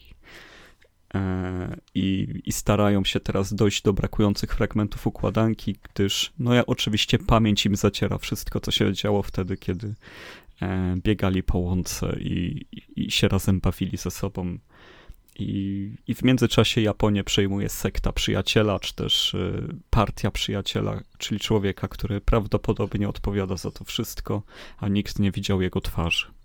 Strasznie dobra rzecz. Bardzo polecam i genialnie narysowana przy okazji.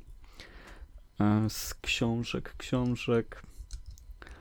A to szczerze mówiąc, dawno nic nie przeczytałem, ze względu na to, że jako młody ojciec nie, nie, bardzo mam jak czytać, gdyż zasypiam po dwóch stronach książki. Więc, e, więc czytałem po prostu coś takiego jak The Passenger Japan. To jest takie wydawnictwo Passenger, które tworzy e, takie wydania książkowe, które są tak naprawdę zbiorem felietonów autorów przeróżnych, raczej znanych, mocnych dziennikarzy na temat jednego e, konkretnego zagadnienia. No i ja wybrałem oczywiście ten o Japonii No i stąd miałem dla was jakiś czas temu niesamowitą ciekawostkę o, e, o ostatnim popełnionym sepuku w Japonii, a raczej przedostatnim. Tak, to... trochę się do tego zbierałeś, ale warto było czekać. To, to było na, na nagraniu jednego z. No, może w skrócie tu też powiem, no bo jednak ci nasi e, słuchający się nie, prze, e, nie przenikają aż tak bardzo. E, że w tej książce był artykuł o człowieku, który śledził scenę sumo, scenę, którą też bardzo lubię, bardzo lubię czytać o sumo i się, i się wkręcać w sumo. E, zrobiłem niesamowity research na temat gier o sumo swego czasu. E, I śledząc, jadąc na turniej, chwycił do ręki książkę Gry autora. O sumo. Wow. Jak wpiszesz e, w Google gry o sumo, to awokado powinno ci Nigdy wyjść. nie przyszłoby mi do głowy nawet pomyśleć o gatunku gier o sumo, tak totalnie randomowa myśl. Nieważne, nie wiedziałem, że są takie gry. Tak, tak. Na Nintendo 64 no. było ich dużo. No. Okej, no. okej. Okay, okay. e, I no i dobra, do, do, brzegu, bo, bo już też trochę zapomniałem szczegółów. Ten człowiek lecąc na turniej sumo chwycił za książkę człowieka, który kiedyś był nominowany, miał być e, głównym pretendentem do wygrania literackiego Nobla z Japonii, no ale popadł w taką niełaskę powszechną, gdyż chciał przeprowadzić zamach stanu. E, zbuntował się przed tym, że Japonia się zdemilitaryzowała, pozbawiła się broni I, no i wtargnął do siedziby Self-Defense For, Defense Force japońskiego, sił samoobrony. Chciał tam wygłosić płomienne przemówienie, ale ponieważ nikt go nie słuchał, uznał to za tak wielką hańbę, że człowiek, z którym tam wszedł, e, był na to gotowy, że on sobie po prostu uklęknął, rozciął brzuch i, i ten człowiek obok musiał odciąć mu głowę. Nie wyszło mu to, więc drugi z jego przybocznych odciął mu tą głowę, E, no i to było takie bardzo mocne, bardzo rytualne. To były lata 70. albo 60. albo sam początek 80. Tu już mówię, ze, ze, całkowicie mi się to zamazało. Brzmi no jak i, srogi bałagan. No i ten człowiek, który mu odciął głowę cały czas żyje, no i ten reporter go wyśledził w miarę, więc e, cały czas można spotkać w Japonii dziadka, który komuś odciął głowę rytualnie. E, I... Mieczem. Mieczem oczywiście i... Jak no bardzo mamy... jest to creepy, tak bardzo jest to cool, nie? I, I też jest to ważne, że ze względu na normy kulturowe mimo iż siedział w więzieniu, to relatywnie krótko, gdyż to nie było uznane za morderstwo, morderstwo, tylko faktycznie za, za takie Tradycja. związanego z tradycją, mm. z godnością, mimo iż prawo już na to nie pozwala, no to jednak nie został potraktowany aż tak srogo, jakby mógł. No, no zresztą ten koleś, no rozciął sobie brzuch, on go dobijał tak naprawdę, więc... No, tym bardziej no. trzeba przypomnieć, że w Japonii wciąż funkcjonuje kara śmierci, więc delikatnie by się z nim nie obeszli, ale jednak u nich też tradycja jest naprawdę bardzo ważną częścią kultury, więc to totalnie wyobrażam sobie, jak to mogło przejść. No tym bardziej, że to też było lata temu, nie? kiedy to mhm. było bardzo gorącym tematem. No, no, no i na takie rzeczy można w tej książce trafić. Można też trafić na. Ona się zaczyna artykułem o mnichu, który przeprowadza egzorcyzmy na terenie Fukushimy. Że w miejscu, w którym 15 e, tysięcy ludzi, 30 tysięcy ludzi, 40 tysięcy ludzi straciło życie w sekundę, e, on widzi cały czas duchy, on widzi, spotyka cały czas opętanych ludzi, przychodzą do niego. E, te, te duchy ludzi, którzy nie zdążyli się pożegnać godnie z tym światem, szczątki, które zostały wymieszane, wymyte przy, przez, to, przez ten kataklizm. cały czas no wiecie co, no jak się poczyta o tym mnichu, no to faktycznie czuć, że on daje ulgę ludziom i, i że niektórzy przychodzą do niego naprawdę opętani. E, pisał o kobiecie, która praktycznie co tydzień przyjechała opętana przez innego ducha. E, no, można w to wierzyć, można nie wierzyć, ale historia jest fascynująca w każdym razie. W Japonii generalnie ten kult ducha, duszy, znaczy kult, e, ten, ten trop bardzo często powraca, nie? To nawet w ich horrorach czy, e, czy fantastyce, to jednak tam duchy grają główną rolę. No wiesz co, Bardziej jeżeli... jest takie może w stronę folkowych wierzeń. Kiedy przeczytałem o, o, o tym mnichu i o tym, jak to działa, jest też taka książka w Polsce wydana, Słońce jeszcze nie wzeszło, o tym, co się działo właśnie w tym momencie w, w Japonii po, po wybuchu i jak to zostało rozegrane przez partię rządzącą i jak tak naprawdę wygląda życie na tych terenach w tym momencie. to, to ja to sobie też skleiłem, wracając do tematu gier z Final Fantasy X, z grą, która jest niesamowicie wysoko ceniona przez Japończyków właśnie. A ja tylko pamiętam śmiech Juny i Tajdusa. Ale ta książka, jak zauważysz, jest o potworze, który zalewa świat i zostają tam dusze, które Juna odsyła na tamten świat. Mhm. Bohaterka, to jest dokładnie to samo się dzieje, co ten mnich robił. To jest książka w kraju tak, na, tak narażonym na tsunami, na, na trzęsienia ziemi. Książka, przepraszam, gra jest tak bardzo powiązana z ich rzeczywistością, mimo iż się dzieje w settingu fantazy, takim bardzo mocno fantazy. Nawet science fiction fantazy w którymś momencie, bo to się przeplata, że całość się zaczyna od tsunami na bardzo futurystycznym stadionie, a potem trafiamy do miejsca, gdzie latają firebole i wszyscy mają miecze. No a, a Juna jako osoba, która jest e, zdolna do tego, żeby dać spokój duszom, które umarły na, e, podczas tsunami, podczas e, tej dewastującej siły, która nawiedziła ich, e, ich ląd, no to no, no to wyglądało jeden do jeden, jakby ona była w tej Fukushimie dla mnie, kiedy, to czytałem. Jakby ten mnich był kimś takim. Mm, to, to, szacunek do kapłana, nie? Kto, ktoś światły, wiesz, odwiedza dane miejsce, uczyni coś, coś bardzo dobrego i to jest... jest w zasadzie, no, no hołdy się składa takiej postaci, nie? To jest, to jest moment, w którym zrozumiałem, czemu tam Final Fantasy X jest tak uwielbianą e, odsłoną tej serii. Zaraz obok siódemki oni najbardziej kochają. Raz tom, raz tom zależy, kiedy się zrobi ranking. E, mhm. I, i, i trochę, trochę właśnie zrozumiałem, czemu jest im tak bliska, gdyż ja dziesiątkę, no tak szczerze mówiąc, tak sobie, nie? No ja dziesiątka też bardzo mocno tak sobie, jeżeli chodzi o fabułę czy postacie, które są, no, naprawdę nie przemawiają do, no poza Lioną, ok, i Auronem, no ok, nie? E, ale wciąż uważam, że Final Fantasy X miał najlepszy turowy system walki z całej serii. Podpisuje się i tak samo system rozwoju, ten Sphere Grid był też -hmm. genialny. No już I, i najlepiej mi się rozwiązanie, jak najpotężniejszą bronią w grze była piłka plażowa, więc... No, no taka, która oślepiała wrogów najlepiej. No, o, nie w skrócie no, tak, tak. Moja, moja kulturka tak wygląda. Okej, okay. Darek, co u ciebie w kulturce słuchać? U mnie w kulturce to mogę co najwyżej z braku czasu pochwalić się obejrzeniem trzech pierwszych odcinków e, Star Trek Strange New Worlds, ale też nie chcę wchodzić w detale. Powiem tylko, że Star Trek wrócił. Po kilkunastu latach w końcu udało się zrobić Star Treka, który nie ma jakiegoś wielkiego zagrożenia w kosmosie, wielkiego przewodniego wątku, e, tylko skupia się na pojedynczych historiach i, i jest zrealizowany po prostu fenomenalnie. Taki w sumie nie dzisiejszy, biorąc pod uwagę obecny trend. Absolutnie nie dzisiejszy. Jeżeli ktoś tęskni za starymi Star Trekami, gdzie faktycznie było to y, planeta tygodnia, problem tygodnia, E, to dostanie tutaj tego na pęczki. Przy okazji świetna obsada, wygląda to naprawdę dobrze, nakręcony jest bardzo ładnie. Jak na razie pomysły są no, tylko ciekawsze, bo bałem się, że będzie jakaś tendencja spadkowa. Jak na razie trzeci odcinek jest moim ulubionym. No, no i co, czekam na kolejny.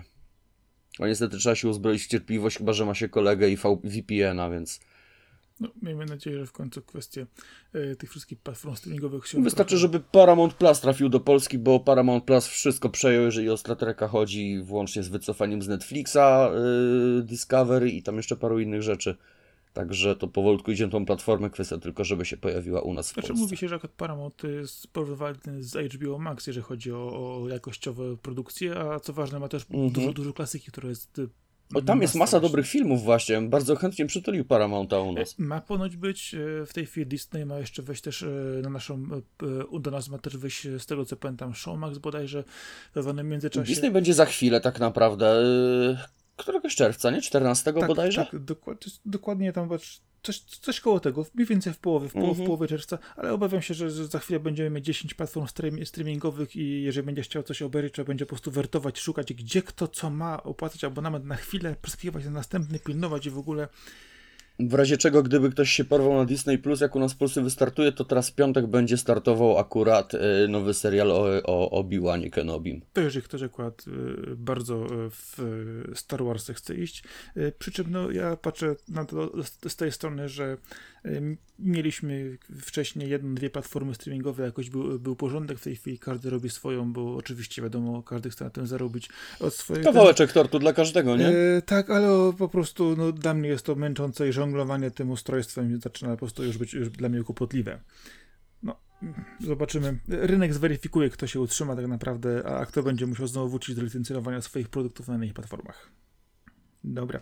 Skoro jesteśmy przy kulturce, y, to ja ostatnio, y, jeżeli chodzi o oglądanie, to y, gdzieś tam wróciłem, raczej rozpocząłem oglądanie różnych seriali. No, zobaczymy, jak, jak się to potoczy, bo moim takim ostatnio bardzo ciekawą rzeczą, którą zauważyłem, na Amazon Prime pokazała się bardzo ciekawa rzecz, a mianowicie Night Sky. I byłem zdziwiony, gdyż wygląda to na kolejny serial robiony przez tę platformę na zasadzie mamy tajemnicę i mamy dramę i będziemy teraz sobie z tego korzystać. Przy czym w odróżnieniu od jednego, który był ostatnio, czyli na peryferia z Roshem Brolinem, gdzie mieliśmy. E, angielski tytuł? Yy, wiesz, musiałbym zaraz spojrzeć na. Outer Range. Outer Range, tak jest, tak jest. Outer Range, dokładnie. Tak, yy, dwa odcinki strasznie się zmęczyłem. Nie wiem, czy będzie chciało mi się dalej w to brnąć. Znaczy, właśnie o to chodzi, że to jest, to jest taki sposób opowiadania historii, gdzie dostajesz e, tajemnicę, która jest nie z tego świata, dostajesz e, dużo Tak, ale wątków. szkoda, że ona się ciągnie i ciągnie. I... Tak, ale, ale ilość, akurat wiesz, że chodzi o Outer Range, ilość rzeczy, która tam się pojawia, wytłumaczeń i elementów, które tam są, on naprawdę dobrze grają. Tam jest dużo smaczków w tle, dużo niedopowiedzeń. To rzeczywiście y, dobrze funkcjonuje i od strony dramatu, i od strony opowieści o, o czymś niesamowitym. Y, a ten tytuł właśnie, który teraz dopiero to się... Y, Czyli znowu Weird Fiction. Tak, zdecydowanie, zdecydowanie. To, to idzie dokładnie w Weird Fiction. To właśnie to Nocy Niebo, Night Sky. To jest bardzo ciekawa rzecz, gdyż mamy małżeństwo w podeszłym wieku i teraz uwaga, bo mamy Sissy Spacek w głównej roli i J.K. Simonsa, więc obsada jest mocna, jeżeli, jeżeli o tę stronę patrzymy. Opowiada się na bardzo, bardzo prostym e, rzeczy. Ci Państwo mają stodołę, w tej stodole mają tunel, a w tym tunelu jest coś w rodzaju takiej kopuły widokowej, która przynosi ich na inną planetę do zupełnie innego świata. I na tym zbudowany jest cały serial. On dopiero się rozpoczął. Jest, to mamy w tej chwili kilka odcinków y, dostępnych. Yy, znaczy, twój, mamy dostępne całość, natomiast ja dopiero kilka ich obejrzałem. Yy, gdzie z jednej strony mamy dramę właśnie dotyczącą starszych ludzi, kwestii rodzinnych, tego co się wydarzyło i tej tajemnicy, które oni, on, o, oni sobie skrywają i muszę powiedzieć, że właśnie tak te Other Range i to Night Sky to są właśnie takie opowieści, które bardzo mocno idą klimatem, powoli się rozwijają, opowiadając pewne rzeczy, które e, miały miejsce w przeszłości, e, związane są z bohaterami, czy też e, tym, co się w konsekwencjach ich działań dzieje aktualnie, jak i też właśnie dużo takie właśnie kwestii osobistych, dramy, osobistego właśnie bardzo podejścia do rzeczy, ale to, co trzeba im dać, to one się bardzo fajnie yy, bronią aktorsko, bo to rzeczywiście obsada jest dobra, świetnie jest to rozegrane, no i dobrze, do, dobrze się to, dobrze się to jednak ogląda na takim zupełnym spokoju, gdzie dostajemy coś jeszcze więcej takiego no, autentycznie yy, niesamowitego i World Fiction i z tego świata, yy, to Night Sky na pewno będę oglądać do końca. Zobaczymy, w jaką stronę to pójdzie, bo naprawdę J.K. Simmons i Sissy Spacek tworzą tam niesamowicie fajny, fajny po prostu duet, no, ludzi, którzy żyją ze sobą od wielu, wielu lat, a jednak e, bagaż emocjonalny, który niosą ze, niosą ze sobą, to jest, to jest coś, co też to bardzo mocno buduje klimat. Natomiast jeżeli chodzi o kwestię tego, co czytałem, to ostatnio sięgnąłem sobie z przyjemnością po y, książkę y, Piąta Aleja, Piąta Rano, czyli Y, historię tego, jak tak właściwie y, doszło do tego, że nakręcono, zakranizowano książkę Truman Capote y, Siedanie Utefaniego. I jest to opowieść z lat 60., opowieść głównie o Audrey Hepburn, o tamtym świecie, o, o, tym, w jaki sposób doszło do tego, że została ta książka zekranizowana, jakie było tło, co ważne, i historyczne tego, tego całego i tło społeczne, e, jak to wtedy wyglądało, e, jak zmieniło to też e, w wielu aspektach postrzegania właśnie kobiet w tym czasie, postrzeganie tego, w jaki sposób konwenanse które, i zasady, które rządziły tamtym światem, można było przełamywać krok po kroku. Bardzo fajna książka, bardzo fajna rzecz, szczególnie jeżeli ktoś jest, lubi postać osoby Adry Hepburn, nietuzinkowej niesamowitej osoby, y, która też była uwięziona w wielu, w wielu konwenansach, w wielu zasadach. Które... Ona chyba też ma dobrą biografię wydaną w Polsce. Wiesz, Nie jestem pewny, tak mi się są. wydaje. Są, są, trzy, przynajmniej, przynajmniej trzy naliczyłem. Dwie... Ale... Niczego innego bym się nie spodziewał, to jest jednak legendarna postać. Ale to są też czasy, ta złota era Hollywood, to jest coś, co ja uwielbiam. Tak ogólnie i osobiście to, żeby nie było, że sama Japonia, ale tamta epoka w Hollywood to jest coś, co też śledzę zawsze e, z zapartym tchem. To, to jeszcze lata łapiące trochę czarno-białych filmów, już ich końcówkę i wchodzące w kolor. Spodoba Ci się w takim razie komiks Zaćmienie. Jeżeli będziesz miał okazję, to polecam. To zapiszę sobie. Ja dopowiem tylko jeszcze parę słów odnośnie tej książki, bo y, to nie jest y, książka, która jest właśnie takim y, biografią Hepburn w, w ten sposób. Jest to książka właśnie o tym, jak powstał film, ale y, w jaki sposób y, trzeba było przykładowo zmanewrować Trumana Kapota, żeby do tego doszło. Jak został utworzony scenariusz, jakie były zmiany w nim y, umieszczone, w jaki sposób była postrzegana wtedy miejsce kobiety w, w amerykańskim społeczeństwie, y, gdzie właśnie można było przełamać te, te, te, momenty, te elementy, y, w jaki sposób po prostu jest to y, też z drugiej strony konsekwencje, czyli co się zmieniło, komu tak naprawdę to pomogło, w, w jaki sposób, jakie wątpliwości miała na przykład sama Hepburn odnośnie tej postaci, no bo powiedzmy sobie szczerze, to główna postać Holly Golightly jest prostytutką, która zupełnie wtedy w tamtych czasach była nie, zupełnie postacią, która wykraczała poza schematy hollywoodzkie tamtych czasów y, i tego, jak powinna być portretowana kobieta, y, a z drugiej strony też, że sam Audrey Hepburn, która była uznawana wtedy wręcz momentami za y, w cudzysłowie prawie że świętą, która miała bardzo określone jasne zasady, która wybierała bardzo konkretne role i, po, i pokazywała w odpowiedni sposób te postacie. I cała ta opowieść jest bardzo e, fajnie napisana, z wieloma e, przykładami e, bezpośrednio, z źródłami, zdjęciami, punktami odniesienia, ale też tego na przykład, jak powstała, powstała piosenka Moon River, bardzo niesamowicie, no, będąca wizytówką wręcz tego filmu kim na przykład był George Peppard, którego większość z nas zna z roli Hannibala w drużynie A, tak naprawdę y, to jest aktor hollywoodzki, który grał w wielu znanych produkcjach, ale dlaczego y, nie zagrał później w wielu innych, y, jaką było osobą, to jest to bardzo powiedziane, więc jeżeli ktoś lubi ten czas, lubi te postacie, lubi ten film, to Piąte ale Piąte rano jest świetnym tytułem, który naprawdę można sobie spokojnie sięgnąć. Czy to ma audiobooka, bo bym sobie tego podsłuchał akurat. Ale myślę, że można bez problemu to sobie sprawdzić. E, jeżeli sobie, e, zaraz ci powiem, bo ja akurat, ja, ja, ja nie jestem osobą od audiobooków średnim i one podchodzą, wolę książkę i podcast na przykład, wiadomo, zupełnie innych ten. Tak, rozmawialiśmy już o tym. Nie, nie ma audiobooka, przynajmniej z tego, co to widzę. Możliwe, że rzeczywiście mogło być wydane. Mamy wersję e, normalną, papierową i elektroniczną, natomiast audiobooka nie ma. Ale, Arku, jeżeli masz odpowiednie aplikacje w telefonie, to ona cię będzie czytać książkę. Bez problemu. Nie, to nie jest nie, to. Nie ma, nie ma tej ekspresji, nie ma, nie ma tego, tego czegoś. Za to chciałbym powiedzieć, że jest e, taka książka, no nie jest to biografia, ale taki wywiad rzeka z Marlonem Brando, e, przeprowadzone przez e, Laurensa Grobela, która jest wydana jako audiobook i to jest fantastyczna, taka długa rozmowa tych dwóch ludzi. I Marlon Brando to jest też osoba z tamtych czasów, z tamtej epoki i opowiada fantastycznie. E, no, bardzo politycznie e, o tym, co on chce osiągnąć i on zgodził się na ten wywiad tylko po to, żeby móc przekazać, jak bardzo wspiera mniejszości w Stanach, zwłaszcza indiańskie, i jak bardzo chce walczyć o sprawiedliwość względem tego, jak e, państwo zachowuje się wobec nich. I to jest taka walka dziennikarza o wyciąganie informacji, które są atrakcyjne dla czytelnika z tą agendą Marlona Brando i to jest niesamowite też na dwa głosy przeczytane po polsku. E, niesamowite słuchowisko według mnie i warto to sobie, e, jeżeli się lubi oczywiście te, te klimaty sobie przesłuchać.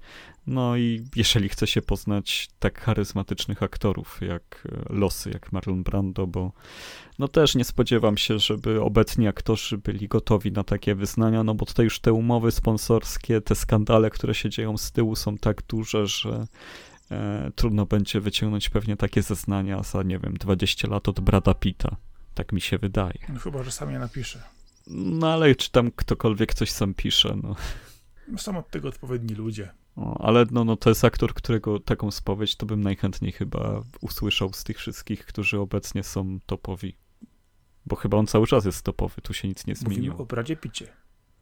Tak. Mhm. Ciekawe, no. Trzeba powiedzieć, że ma na swoim koncie sp- sporo nietypowych ról, w filmach też no, niezłych. Ja chętnie, ja, Nie no, on ma przekrój niesamowity. Je, jego przekrój filmowy, no to jest... ja, ja do dzisiaj twierdzę, że, Wow. że najlepszy był w Kalifornii w 12 małp. No, 12 małp to był bardzo mocny film i oglądałem go zdecydowanie za wcześnie jak na swój wiek, zanim zrozumiałem dokładnie o czym był. No, a widziałeś może Kalifornię z, z Pitem? E, Nie, ale wspominałeś mi już o tym. E, nie nadrobiłem do tej To pory. jest dopiero szok dla ludzi, którzy e, patrzą na Pita ze współczesnej perspektywy, to tamta rola to jest, o Boże, to jest zupełnie, zupełnie inne postrzeganie aktora i, i jego warsztatu. No to, to z ciekawych filmów e, Daniel Radcliffe, którego ostatnio widziałem w filmie Swiss Army Man i tak miałem straszny dysonans między tym, jak widziałem go w Harrym Potterze. Dalej, opowiedz coś więcej. Coś więcej, dobra, no Radcliffe gra generalnie trupa przez cały film, który na swoich piardach szybuje po bezkresnych oceanach. Nie, nie będę ci mówił więcej, bo to nie ma największego sensu, nawet gdybym Widziałem chciał trailer, ten film. wiem już o co chodzi. O, Wiem, wiesz wiem, co, wiem, o najlepsza rekomendacja, jaką możesz usłyszeć. Yy, zrobili to yy, ci sami Russo, którzy zrobili... O, dobrze, powie... nie, pomyliłem chyba nazwisko. Yy, ci sami goście, którzy zrobili Wszystko Wszędzie i Naraz. To jest ich wcześniejszy O. film. A24. E, znowu, tak, oczywiście, że oni. A właśnie, Darek, miałem cię zapytać, wszystko wszędzie na raz. Mhm. Powiedz coś więcej, bo widziałeś, ja nie widziałem. e, Jak nie widziałeś jeszcze? nie, e, czy, czy to szaleństwo warte jest wszystkiego co dobrego, co oni mówią? Absolutnie tak. To jest najmądrzejszy y, film z przesłaniem, jaki widziałem w ostatnich latach, a przy okazji jest tak absurdalną wręcz komedią, że. No,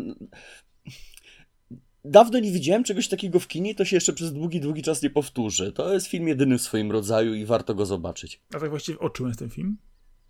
O czym on jest? E, Wyobraź sobie, że w równoległych e, rzeczywistościach, na jakimś etapie zawsze gdzieś jest jakieś rozgałęzienie, gdzie podejmujesz decyzje, różne decyzje życiowe prowadzą do kolejnej gałęzi, kolejnej, kolejnej, kolejnej. Wyobraź sobie, że możesz na przykład na chwilę przejąć moce y, siebie z równoległego świata, gdzie jesteś kimś absolutnie innym.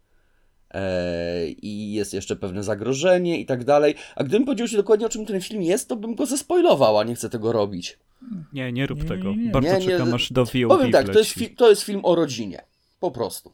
Tylko to jest wszystko, co ci muszę, muszę, inaczej, co ci mogę powiedzieć, nie? No i przygotuj się też na naprawdę świetne aktorstwo, naprawdę zabawne dialogi, genialną obsadę, no i najlepszego Matrixa poza Matrixem, nie? No, znaczy ja w ogóle rozumiem oczywiście, że coś się jeszcze psuje i jest weselej. Standardowo. Oj, oczywiście, że tak. Ej, właśnie, a jak zareagowaliście na to, Lepszy że niedawno, multiversum niż Doctor Strange, to na pewno. e, potwierdzono Kung Fu Hustle 2? A to już jakiś czas temu było, było o tym mowa, że, Mhm. że do- dostają. No, no ja oszalałem. Hmm. Znaczy ja mam takie trochę, wiesz co, ten pie pierwszy, pierwsze Kung, Kung Fu Hustle to jest takie, wiesz, kurcze blade, no e, było coś fajnego, było, A ja wiesz, tego nie widziałem. było, było całkiem dobrze, ale kurczę, po tylu latach znowu kontynuacja. No właśnie to jest największa niespodzianka, że po tylu latach, a, a Darek y, naprawdę, no ja po tym co widziałem na, tylko na screenach i zwiastunach, ja wnoszę, że Wszystko Wszędzie Naraz jest filmem bardzo podobnym. To jest Ale film, to- który to ty- będzie kultowy. tak znaczy mogę. już teraz stał się kultowy, a będzie jeszcze bardziej, to ci gwarantuję. Znaczy, A Kung Fu Hustle to jest takie over the top anime, które, w którym są aktorzy i dobrze wygląda. Mhm. Bo zwykle te rzeczy źle wyglądają. i grają w piłkę. No, tak grają, to tak wiesz, nie? Nie jest to Shaolin Soccer, nie? Okej, no tak. Więc jest tam kom- taki humor też z kreskówek e, Warnera, nie? Że tam wiatr No. i, i kojot i takie rzeczy się dzieją z aktorami. Wspaniale jest to zrobione. Tak, fizyka zadziała dopiero po kilku sekundach, zdasz sobie sprawę, że przebierasz nogami w powietrzu.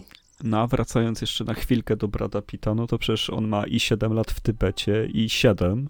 A to był bardzo fajny film. Znaczy, w sumie oba były dobre. E, Fight Club, Wichry Namiętności, które mają zły tytuł w Polsce, ale Legends of the Fall to jest świetny film, naprawdę poruszający, długi i wybitnie dobry. E, no i dawno temu w Hollywood jest dla mnie czymś naprawdę wybitnie dobrym, ale to jest też nawiązanie tak. do tej złotej ery Hollywood, którą uwielbiam.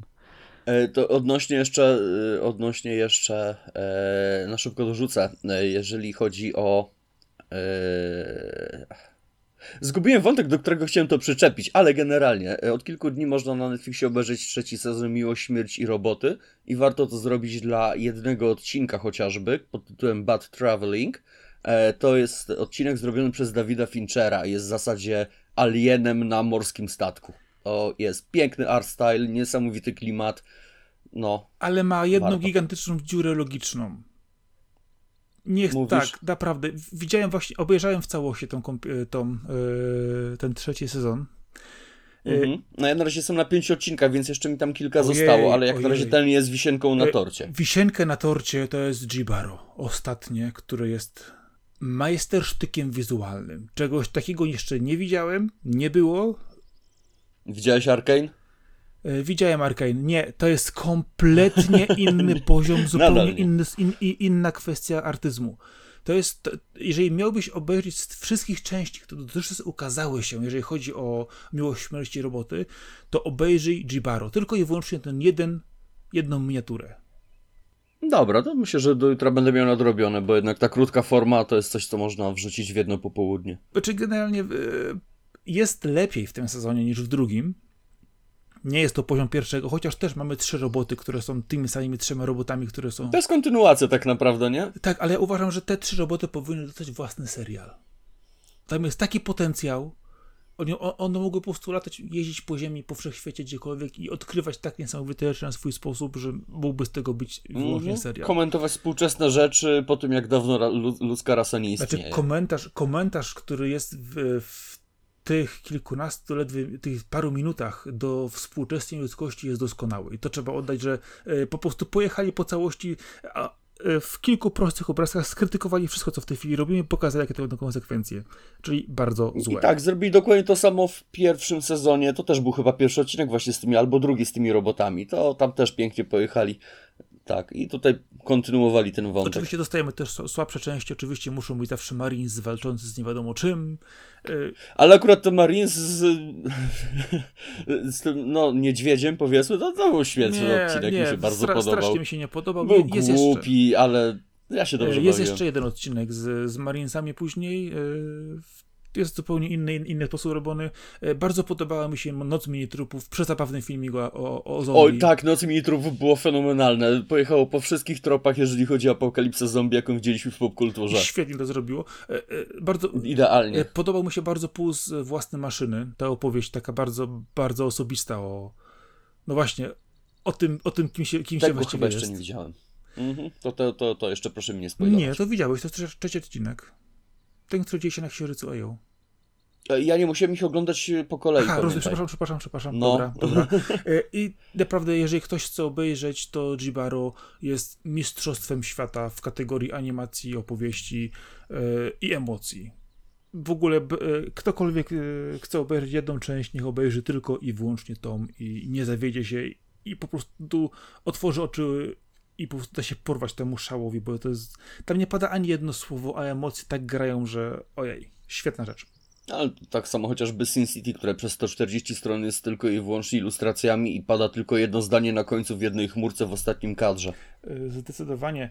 E, wiesz co, ale kwestia jest taka, e, że musisz wiedzieć też, kto to Jibaro stworzył. Kwestia jest taka, że jeżeli spojrzysz, kto dostał za krótki metraż teraz Oscara, to, to właśnie jest ta sama ekipa. I ta sama i ci sami twórcy. Więc to już jest okay. znak jakości od razu. Naprawdę. Jest niesamowite. Dobrze, czyli dobraliśmy do końca. Słowem zakończenia. Yy, Arku, czy chcesz jeszcze coś dodać? Mogę tylko Wam podziękować za zaproszenie. Ja też serdecznie dziękuję, że z niego skorzystałeś. Yy, na pewno będę y, chciał y, z tobą nagrać. Jeszcze jeden przynajmniej podcast, jak nie więcej.